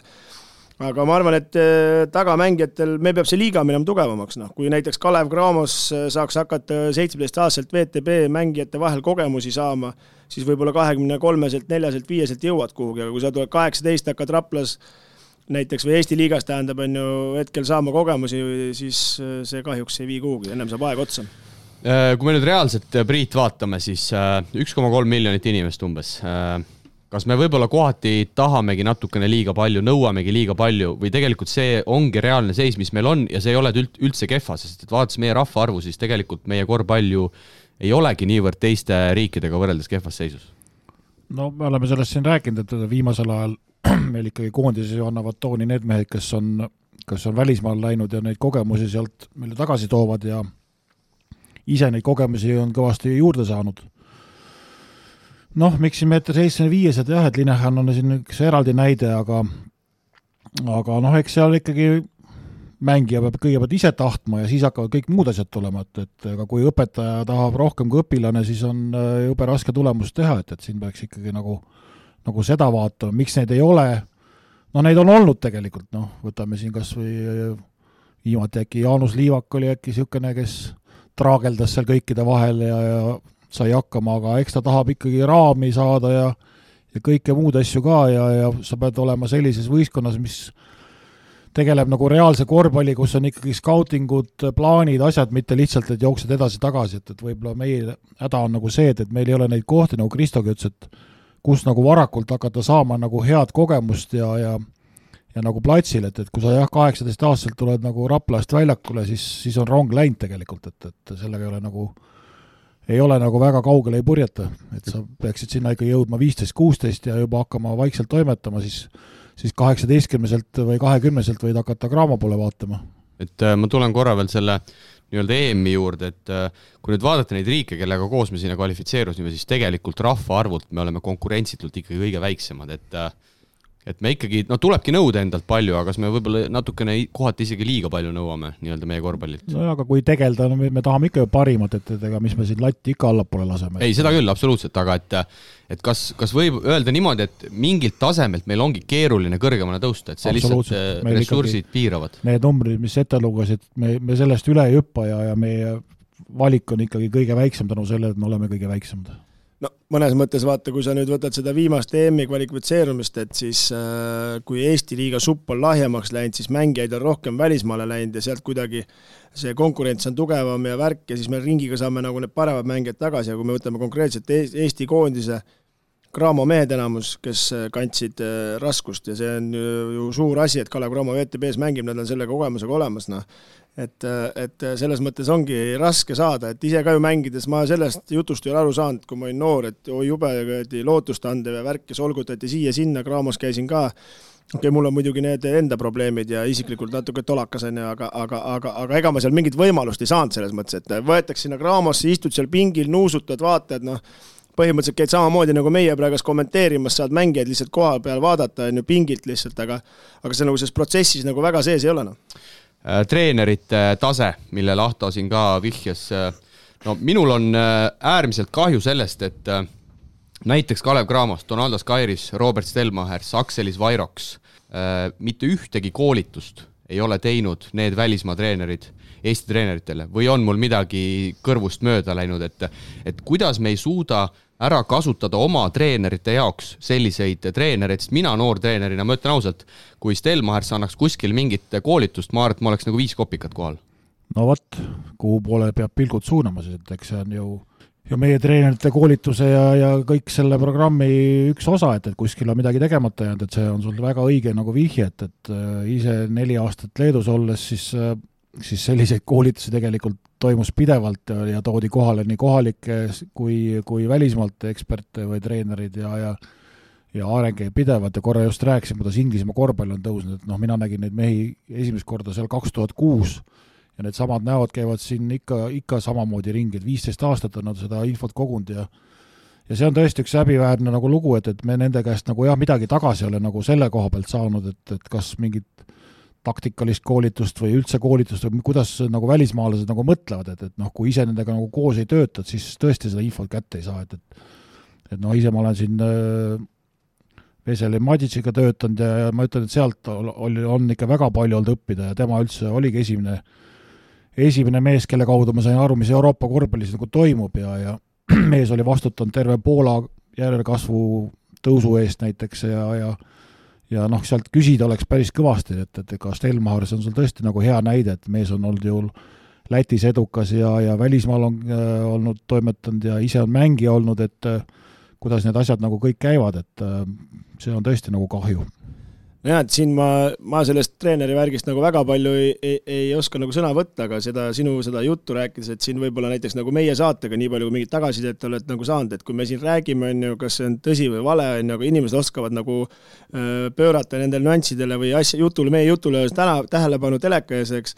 siis võtaks näiteks Kalev Cramost Telmachers, ütleme siin septembrikuus on mingi koolitus noortetreeneritel, ta räägib, mis asju ta teeb, mis tal on, ja siis sa vaatad terve hooaja Cramo mängu ja mõtled, et mis ta rääkis, kuidas ta tegi, sa oskad nagu tähelepanu pöörata, siis proovid ise nagu neid panna, noh. nii saame ise oma peas välja mõelda, mis selle Stelmachersi relv on, on ju, aga no ma arvan, siin on kui sa need nimed, mis sa välja tõid, võib-olla Stelmarsit ei ole, ma arvan, keeruline saada, kui korvpalliliit klubiga räägib, on ju, aga Jukka Toiala, see peaks ju tema kohustus olema, sellised korvpalliliidu käsk ütleb, Jukka, nüüd teed koolituse ja iga kuu teed ühe, noh. sest mulle ei, mulle ei, mulle ei meeldu, võib-olla Jukka on teinud, mul on võib-olla läinud mööda, aga, aga minu meelest ei, ei ole, ei ole ka sealt, sealt midagi seni selles osas nagu tulnud ja näiteks siin ju aastad tagasi oli see Russell Bergman, see vana, vanameister oli seal, kes on vist NBA-s mingi skaut olnud või abitreener, no miks me ei, miks me sellist nii-öelda know-how'd nagu ära ei, ära ei suuda kasutada, et äh, rääkisin siin Jukka Toialaga üks päev ja ja, ja küsisin, et miks Soome treen-, tead, Kristo, palju Soome treenereid hetkel on välismaal? ei, kust mina tean? no kümme pluss. kümme pluss Soome treenerit on välismaa klubide juures, Bundesliigad, äh, Prantsusmaa liigad ja küsisin Jukalt, et, et millest see vahe meie treeneritega tuleb ja ta ütles, et kohe, kui koolitusprogramm tehti Soomes ümber, nii-öelda reformiti, tehti paremaks, kohe hakkas asju juhtuma ja, ja toodi välismaalt äh, nii-öelda seda know-how'd sisse ja treenerid hakkasid kohe välismaale minema. no vaata, seal võib see ka olla, et äh, kui sa selle koolituse tulid, et kui see Andres Sõbrase U kakskümmend, kui see Itaalia võitis, siin oli see EM, vaata, Saku Suurhallis, eks siis ma mäletan, ma olin hotellis, äh, tubade puudus oli ja siis äh, oli ka see koolitus mingi ja siis oli see Pablo Lasso oli seal minu kõrval toas, eks on ju. ja tema tegi siin koolitust, no sellest oli nüüd, ma ei tea, kui palju aega möödas, eks Pablo Lasso toodi siia, noh, sellest on mingi kuus või rohkem aastat möödas. see oli minu arust viimane, mida ma olen kuulnud, mingid on veel käinud, vaata, aga see on nagu aga see, mis sa Soome treenerite kohta, see on ju loogiline, näiteks tood äh, Bambergi peatreeneri siia, on ju, või vahet ei ole, Milano või kellegi, on ju, ja siis see kutt küsib seal mingeid küsimusi, veel juurde lisaks näiteks treener, see, kes räägib, on ju, mõtleb, okei okay,, päris hea küsimus on ju, ja hakkab selle venna käe, käekäiku jälgima, teeb mingeid tulemusi ka, siis ta avab kuskil uksena. Sest ma kiidaks siin äh, Rapla klubi, kes on teinud juba mitu aastat, noh nüüd koroona ajastul muidugi ei saa teha, aga kes on teinud äh, nii-öelda oma klubi poolelt koolitusi ja Jaak Arp on toonud sinna välismaa nii-öelda treenereid äh, rääkima ja noh, tegelikult Korvpalliliit on ka seal Baltic Sea Cupi ajal tavaliselt välismaalt kedagi toonud, aga minu meelest seda võiks nagu rohkem olla, et me oleme nii selles konnatiigis, et siin samad treenerid aastast aastast käivad neid samu teemasid rääkima, et noh, kohati tekib küll tunne, et ma ei, ma ei näe mõtet nendele koolitustele minna, sest kogu aeg on samad asjad, ehk siis me nii, nii-öelda solberdame siin oma, oma konnatiigis kogu aeg no nii on jah, siit on idee nagu viskame õhku, et, et, et keegi peaks sellest nagu kinni haarama, midagi korraldama hakkama, et, et ja ma ei usu, ma ei usu küll, et Stelmarsil kade meel oleks tulla, noh, maksame talle siis natuke rohkem, kui, kui tal see soov on, et ma, ma ei usu küll, et tal kade oleks rääkida Eesti treeneritele, et kuidas tema nii-öelda asju näeb ja teeb ei no jaa, aga see koolitus on ka, no toome näite, et sinna tuleb, ma ei tea, viiskümmend inimest või palju sinna saab korraga, palju teil käib koolitusel, ma pole kunagi käinud ühegi. no oleneb, kes korraldab ja, ja, ja. no näiteks sul on esinemine, noh, Stelmar tahab raha saada, mis siis on, paned kakskümmend viis euri pileti hinna ja ta saab oma raha kätte, see ei ole mingi küsimus. tulevad, tulevad. ei no muidugi tulevad, no kes ei tahaks, aga ma räägingi, seal ongi see, vaata, et ta räägib detailidest, et mida sa saaksid hiljem jälgima hakata või proovida või ta, muidu me paneme sedasama ühte värki ja igaüks on kõige targem, vaata, on ju, aga kuskilt seda arengut nagu ei tule Läheme edasi, Joel küsib, tere, olen huviga kuulanud teie saadet ning eriti kvaliteetseks on see minu hinnangul muutunud äh, pärast Priit Vene liitumist, oli muidugi ka enne, jumal tänatud, Kristo. pärast olen viimasel ajal jälginud huviga, mis toimub USA ülikoolides e-, õppivate korvpalluritega. tulenevalt sellest sooviks teada, kas USA ülikoolides saamine sõltub eelkõige meeskondade juhtide valikust või mingil määral saab otsustavaks ka korvpalluri enda soov? nii, see oli esimene küsimus, lahkame siis kõigepealt seda no minul kooliga teate ise ei ole hästi, et mina sellele küsimusele vastata ei oska, et äkki teie olete targemad, et äh, ma jah, ei oska sulle öelda. no eks see on äh, kahtepidi liiklus ikkagi. no eks ta kõigepealt peab ikkagi olema korvpalli enda soov, äh, treenerite poole pealt on lihtsalt see, et millisesse ülikooli sa nagu satud, et aga kui sul on kindel soov ülikooli saada ja sa oled vaeva näinud ja oma infot laiali jaganud, siis äh, siis sellest, kas sa saad ülikooli, äh, nagu ei sõltu mitte see, et äh, treeneri otsused, kas ülikooli saad, vaid küsimus on, et millisesse ülikooli sa saad, selles mõttes, et kuhu sa nagu mänguliselt nagu kõige rohkem sobid ja kes seal siis nagu selles mõttes treener on, et äh, et, et see on nagu see, aga kõigepealt ikkagi peab inimene ise tahtma ja siis hakkavad kõik muud asjad tulema no minul on sellest nagu jäänud sihuke, sihuke nagu äh, olukord, et see oli äkki kaks tuhat neli, kaks tuhat kuus selle vahemikus, et Martin Van Gent ju nii ilgelt lammutas siin ja siis ta saatis neid sinna, Leho Graavid, Parve vist isegi käis, Erik Torbek, Ärmpalu, kõik läksid sinna USA-sse, noh, enamus tulid riburada pidi tagasi, noh et siis ei olnud nagu niisugust, äh, lihtsalt saadeti sinna, kui ma õieti mäletan, siis Erik Torbek ja Parve läksid kuskile getosse, seal ei olnud aknaid ees ja siis keerasid samamoodi lennukina teistpidi tagasi ära, et see ei olnud nagu see, aga nüüd, nüüd on jälle see laine kuidagi käima läinud, ütleme, Nurger, äh, Kotsar, Kotsar tegi hea tulemuse, eestlastest peetakse võib-olla natuke rohkem lugu, on ju, ja vaadatakse ka rohkem ja kui on õiged sidemed soovitamaks, siis miks mitte, noh küsimus number kaks, kuidas suhtuda üldiselt sellesse, et Eesti korvpallurid liiguvad järjest suuremate hulkadena Ameerika ülikoolides, on ju häid näiteid nagu Kotsar, kuid on ka paljusid, kes jäävad seal märksa nõrgemasse rolli, kui nad ilmselt oleksid Eestis olnud või pole oma sealolekuga üldiselt rahule jäänud, sulgudes vist umbes sellise tõdemusega oli Taavi Urkatam meie saates. teada ju on, et meeskondade, meeskondadele ei jagu piisavalt tasemel mängijaid ning võimalik, et siin mängiks nad end võib-olla rohkem pildile. no jällegi kahe otsaga mõõk, et äh, sa pead piisavalt eeltööd tegema, et sa tead ikkagi, kus sa, kuhu sa lähed ja tänapäeval kõik sotsiaalmeediad, kõik on olemas ja tegelikult ma usun, et kui tahta, saab päris head infot kätte no ma arvan, et siin on see, et vahet ei ole, kas sa lähed ülikooli või sa lähed välismaale mingisse klubisse või kuhu iganes, et sa ennem ei saa teada seda vastut, kui sa oled sinna kohale läinud ja proovinud, et see ei ole nii, et äh, ma ei tea, mõtled Tallinnas välja, et äh, minu koht on Arizona State'is ja neli aastat ja olen maailma parim, et see on kõik protsess ja ja kas sa teed õige või vale otsuse, selle saad nelja aasta pärast teada, et ega kõik jah, ei õnnestu, et ja see, kas nad Eestis oleks kõrgema lennu teinud, ei, seda on nagu keeruline öelda. no küsimus on selles, et eelkõige mängija, kui ise tahab, siis tal tänapäeval on uksed avatud. palju raskem küsimus on see, et, et meil ju kodumaal, me oleme siin rääkinud ka, et meil ju nii-öelda klubid äh, või, või, või, või võistkonnad, me ju ei tea, mis järgmine aasta saab, eks ju, ja kellegiga pikemaid lepinguid ei tehta ja, ja kui seal on nagu süsteem, siis meil on süsteemitus ja, ja sealt, sealt seda on nagu lihtsam nendel valida ja kolmas küsimus Jooli poolt, kas äh, Ameerika ülikoolidesse minek oleks näiteks naistekoondist, arvestades hea arenguperspektiiv, näiteks Teder on näidanud suurepäraseid mänge, samuti on tugeva naiskonnaga liitumas äh, Anna-Gret Asi, miinuseks muidugi see, et ilmselt nelja ülikooli aastaga on rahvuskoondis ilmselt mängude ajal neist ilma. no siinkohal ma kiidaks Joeli, et ma arvan, et see naistekoondise põhimõttel see ongi äh, ainuke variant. no kas ainuke variant, aga, aga nagu me teame, naiste korvpallis esiteks raha nii palju ei liigu meeste korvpallis ja seal sa saad vähemalt hariduse kätte, sa saad neli aastat olla, nagu Priit ütles, süsteemis sees, mitte süsteemituses. ja, ja tegelikult äh, mina julgustaks küll, aga jällegi tuleb vaadata, kuhu sa, kuhu sa lähed jah, see eeltöö on tähtis ja, ja ka no tänapäeval juba tekkinud neid agente ja vahendajaid, kes seda infot nagu jagavad ja ega keegi enam väga pimesi sinna ei lähetu, et maandun kuskil New Yorgis ja siis hakkan ringi vaatama, et kuhu ma kukkusin, et et äh, ikkagi selle, nagu Kristo tõi selle näite, et kui siin omal ajal Van Geit neid saatis, et see oli niisugune tundmatusse minek, aga tänapäeval ikkagi eeltööd tehakse nii korralikult ära, et aga, aga, aga jah, et aga ka juhtub erandeid, noh et ega näed, alles siin oli ju uudis, et äh, Martin Maide vahetab ülikooli, Kriisa pani oma nime kuskile sinna üleminekuaknasse, et võib, võib kooli vahetada, nii et, et äh, ega jah, tihtipeale on eeltöö üks, aga reaalsus teine, aga aga noh, ikkagi infot on ju palju rohkem käes ja minnakse kindla peale, nii et äh, selles mõttes naiste korvpalli äh,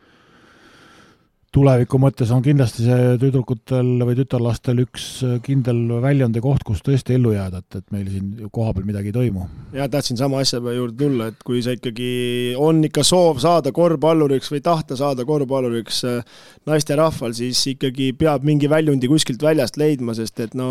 oleme ausad, selle kolme võistkonnaga siin Eesti liigat panna, et see on ikkagi päris masendav ja kolmas küsimus tuleb täna naisterahvalt ja see tuleb Kertult. tere, ei hakka teile suurt kiidulaulu laulma, aga teete head asja ja selle tõestuseks olgu see, et sattusin oma elukaaslase kõrvalt kuulama teie saadet ja nüüdseks juba kuulan seda iseseisvalt. no mis saaks äh, paremat äh, meie kõrvadel olla. vaadates telekast Hispaania liiga Burgose ja Barca mängu, torkas silma eriti kummalise soenguga mängija. siit ka minu küsimus, kuidas suhtuvad treenerid ja klubi juhtkond sellistesse ilueedidesse? kas klubide poolt võib olla ettekirjutusi, kuidas pead välja nägema või kui selline soenguhunt saab mängus mõne kalaga hakkama, kas siis treener võib suures vihas ka tema välimust kritiseerida, äkki meenutate ka ise mõnda mahlast väljaütlemist treenerite poolt, Andrese Reinari mahalöömist ja jäätisenalju teavad ilmselt kõik, tervitades Kertu, no see on nüüd, Kristo, sinu rubriik.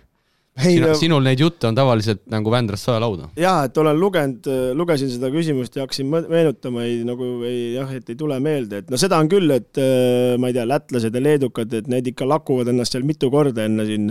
enne väljakule minekut, pannakse see leed ühele poole, teisele poole, kas sonks on korras, no ja maakas tuleb, lükkab selle higise tuti nii nagu läheb ja käid juuksuris, ütled, et enam-vähem oleks, et noh, üldiselt noorena olime, olime kõik kilakad, siis ei olnud nagu probleemi, noh, et mul siin meenub, Maris Laksas oli kõva, kõva želeemees ja Kambergs oli meil seal Valgas ja neid ikka oli, aga niisugused tõsised töömehed nagu Lätist nagu Aleksejevs, noh, temal oli ka täitsa suva, no temal oli ka sihuke jekapilisi maakas ja temal ei olnud vahet, mis tal seljas on ja kuidas ta välja näeb, et aga muidu need ikka jah eks siin ole muud faktorid ka, et kui sa tuled mingi välismängija näiteks äh, uude kohta, uude riiki, eks siis ju pruute ka vaja saada ja pead ju ilus välja nägema. aga Priit, Eestist äh, meenub mõni selline ilus poiss, kes ikkagi vaatas peegli ees kolm korda vähemalt enne mängu soengu üle, et kas, kas kõlbab väljakule minna? noh, eks neid ikka ole, aga ma arvan, siin küsimus on lihtsalt rohkem just selliste mängijate kohta, kes midagi võib-olla Kail Kusma moodi tulevad ja värvivad pea ära või kunagi Tõnis Ruudmann ju tegi ka igasuguseid äh, soenguid ja värve pani pähe ja siis küsiti, et miks sa seda teed ja sa ütlesid, et noh, et ajan vastast närvi nagu, et et, et eelmine, eelmine kord ei lubanud, et nüüd tegin uue soengu, et olen vähe vihasem äkki mees või. Aga siin on küsimus, et no kuidas treenerid ja klubid sellesse nagu suhtuvad, et, et ma nagu klubide poolt ei ole kuulnud, aga treenerid ma tean küll, et kes, kellele ei meeldi üks ja teine ja, ja see võib väga vabalt juhtuda, et tuled seal mingisuguse äh, ägeda soenguga ja keerad mõne kala ja siis treener ikka ütleb sulle välja ka, et see, see kindlasti toimib, et ei tasu nagu arvata ja ega me Euroopas ju tegelikult nüüd ütleme, kõrgemal tasemel ju väga niisuguseid äh, naljamehi nagu näinud ei olegi, et kõik, äh, kõik on ikkagi enam-vähem soliidne. Polegi enam näha ja et kui siin eestlaste juurde tuua, siis mul eluline näide on see, et kui Erik Torbekuga hakkasime peole minema, et siis ta sättis ja sättis ja ma küsisin, et kuule, palju jäänud on, et hakkame minema, siis ta ütles mulle niisuguse lause, et no mis sul maakas viga? ilus mees on raske olla, kole on ju lihtne olla, noh, ja siis ma nagu mõtlesin, okei okay,, no tund aega peab riidesse, et nüüd ma saan Eeriku käest kindlasti riielda siin ikka saatejuhiks, on ta mulle kolm-neli korda kirjutanud ja pahandanud minuga, et loodame, et ma nüüd seekord väga riielda ei saa, aga aga, aga jah, selline nagu selles mõttes pahas mõttes või ütleme, ei ole nagu niisugust, et aga eks ikka inimesed, kes rohkem-vähem hoolitseb oma välimuse eest, et see ei ole nagu mingi küsimus. no Priit küll mainis, et kui kui mõni soengumees platsilt käkerdab, siis treener mainib selle vihahoos ära, aga aga ma arvan, et juba, kui sa liiga edevaks lähed, siis riietusruumis juba mängijad ka ikkagi teevad selle, selle selgeks. et ei nalja isegi... saab kõvasti, aga kokkuvõttes on ju küsimus selles, et kui sa ikkagi oled mängumees ja vajutad vajutad õigeid nuppe ja teed tulemust, siis jumala pärast ole kiilakas või juustega, et ega suurt vahet ei ole või värvitud juustega, et, et mängumees on mängumees, aga reeglina nagu see, kui me vaatame maailma, et et noh, okei okay,, Ruudmani kohta ei saa öelda, et ta kloun oli või ta kloun oli, aga ta oli mängumees ka, aga enamus on ikkagi nii, et kes on ikkagi mängumehed, need on ikkagi täitsa ju korralikud ja ei ole neil mitte mingisuguseid niisuguseid naljaasju. jaa, et seda riietusruumi nalja ikka tuleb, et äh, ma olen ka öelnud mõnele mehele, et anna see leed, et teen ka soengu korda seal, et peegli ees lakuvad seal enne mängu kolmkümmend minutit, et siis nagu nalja on neile palju, jah. nii, aga särk kellele, kas Ahtole, Joelile või Kertule? ma paneks Ahtole, et päris äh, ka intrigeeriv oli, kuigi see teine küsimus Joelil oli ka väga hea ja sai ka arutada, aga ma millegipärast ise paneks Ahtole, ma ei tea, mis te arvate? no kui sa nii ütled. no absoluutselt. Ahto saab särgi, võta meiega ühendust ja, ja toimetame selle sinuni. nii, mehed, tõmbame otsad kokku, veerandfinaalid nii Eesti liigas kui Euroliigas on meid sel nädalal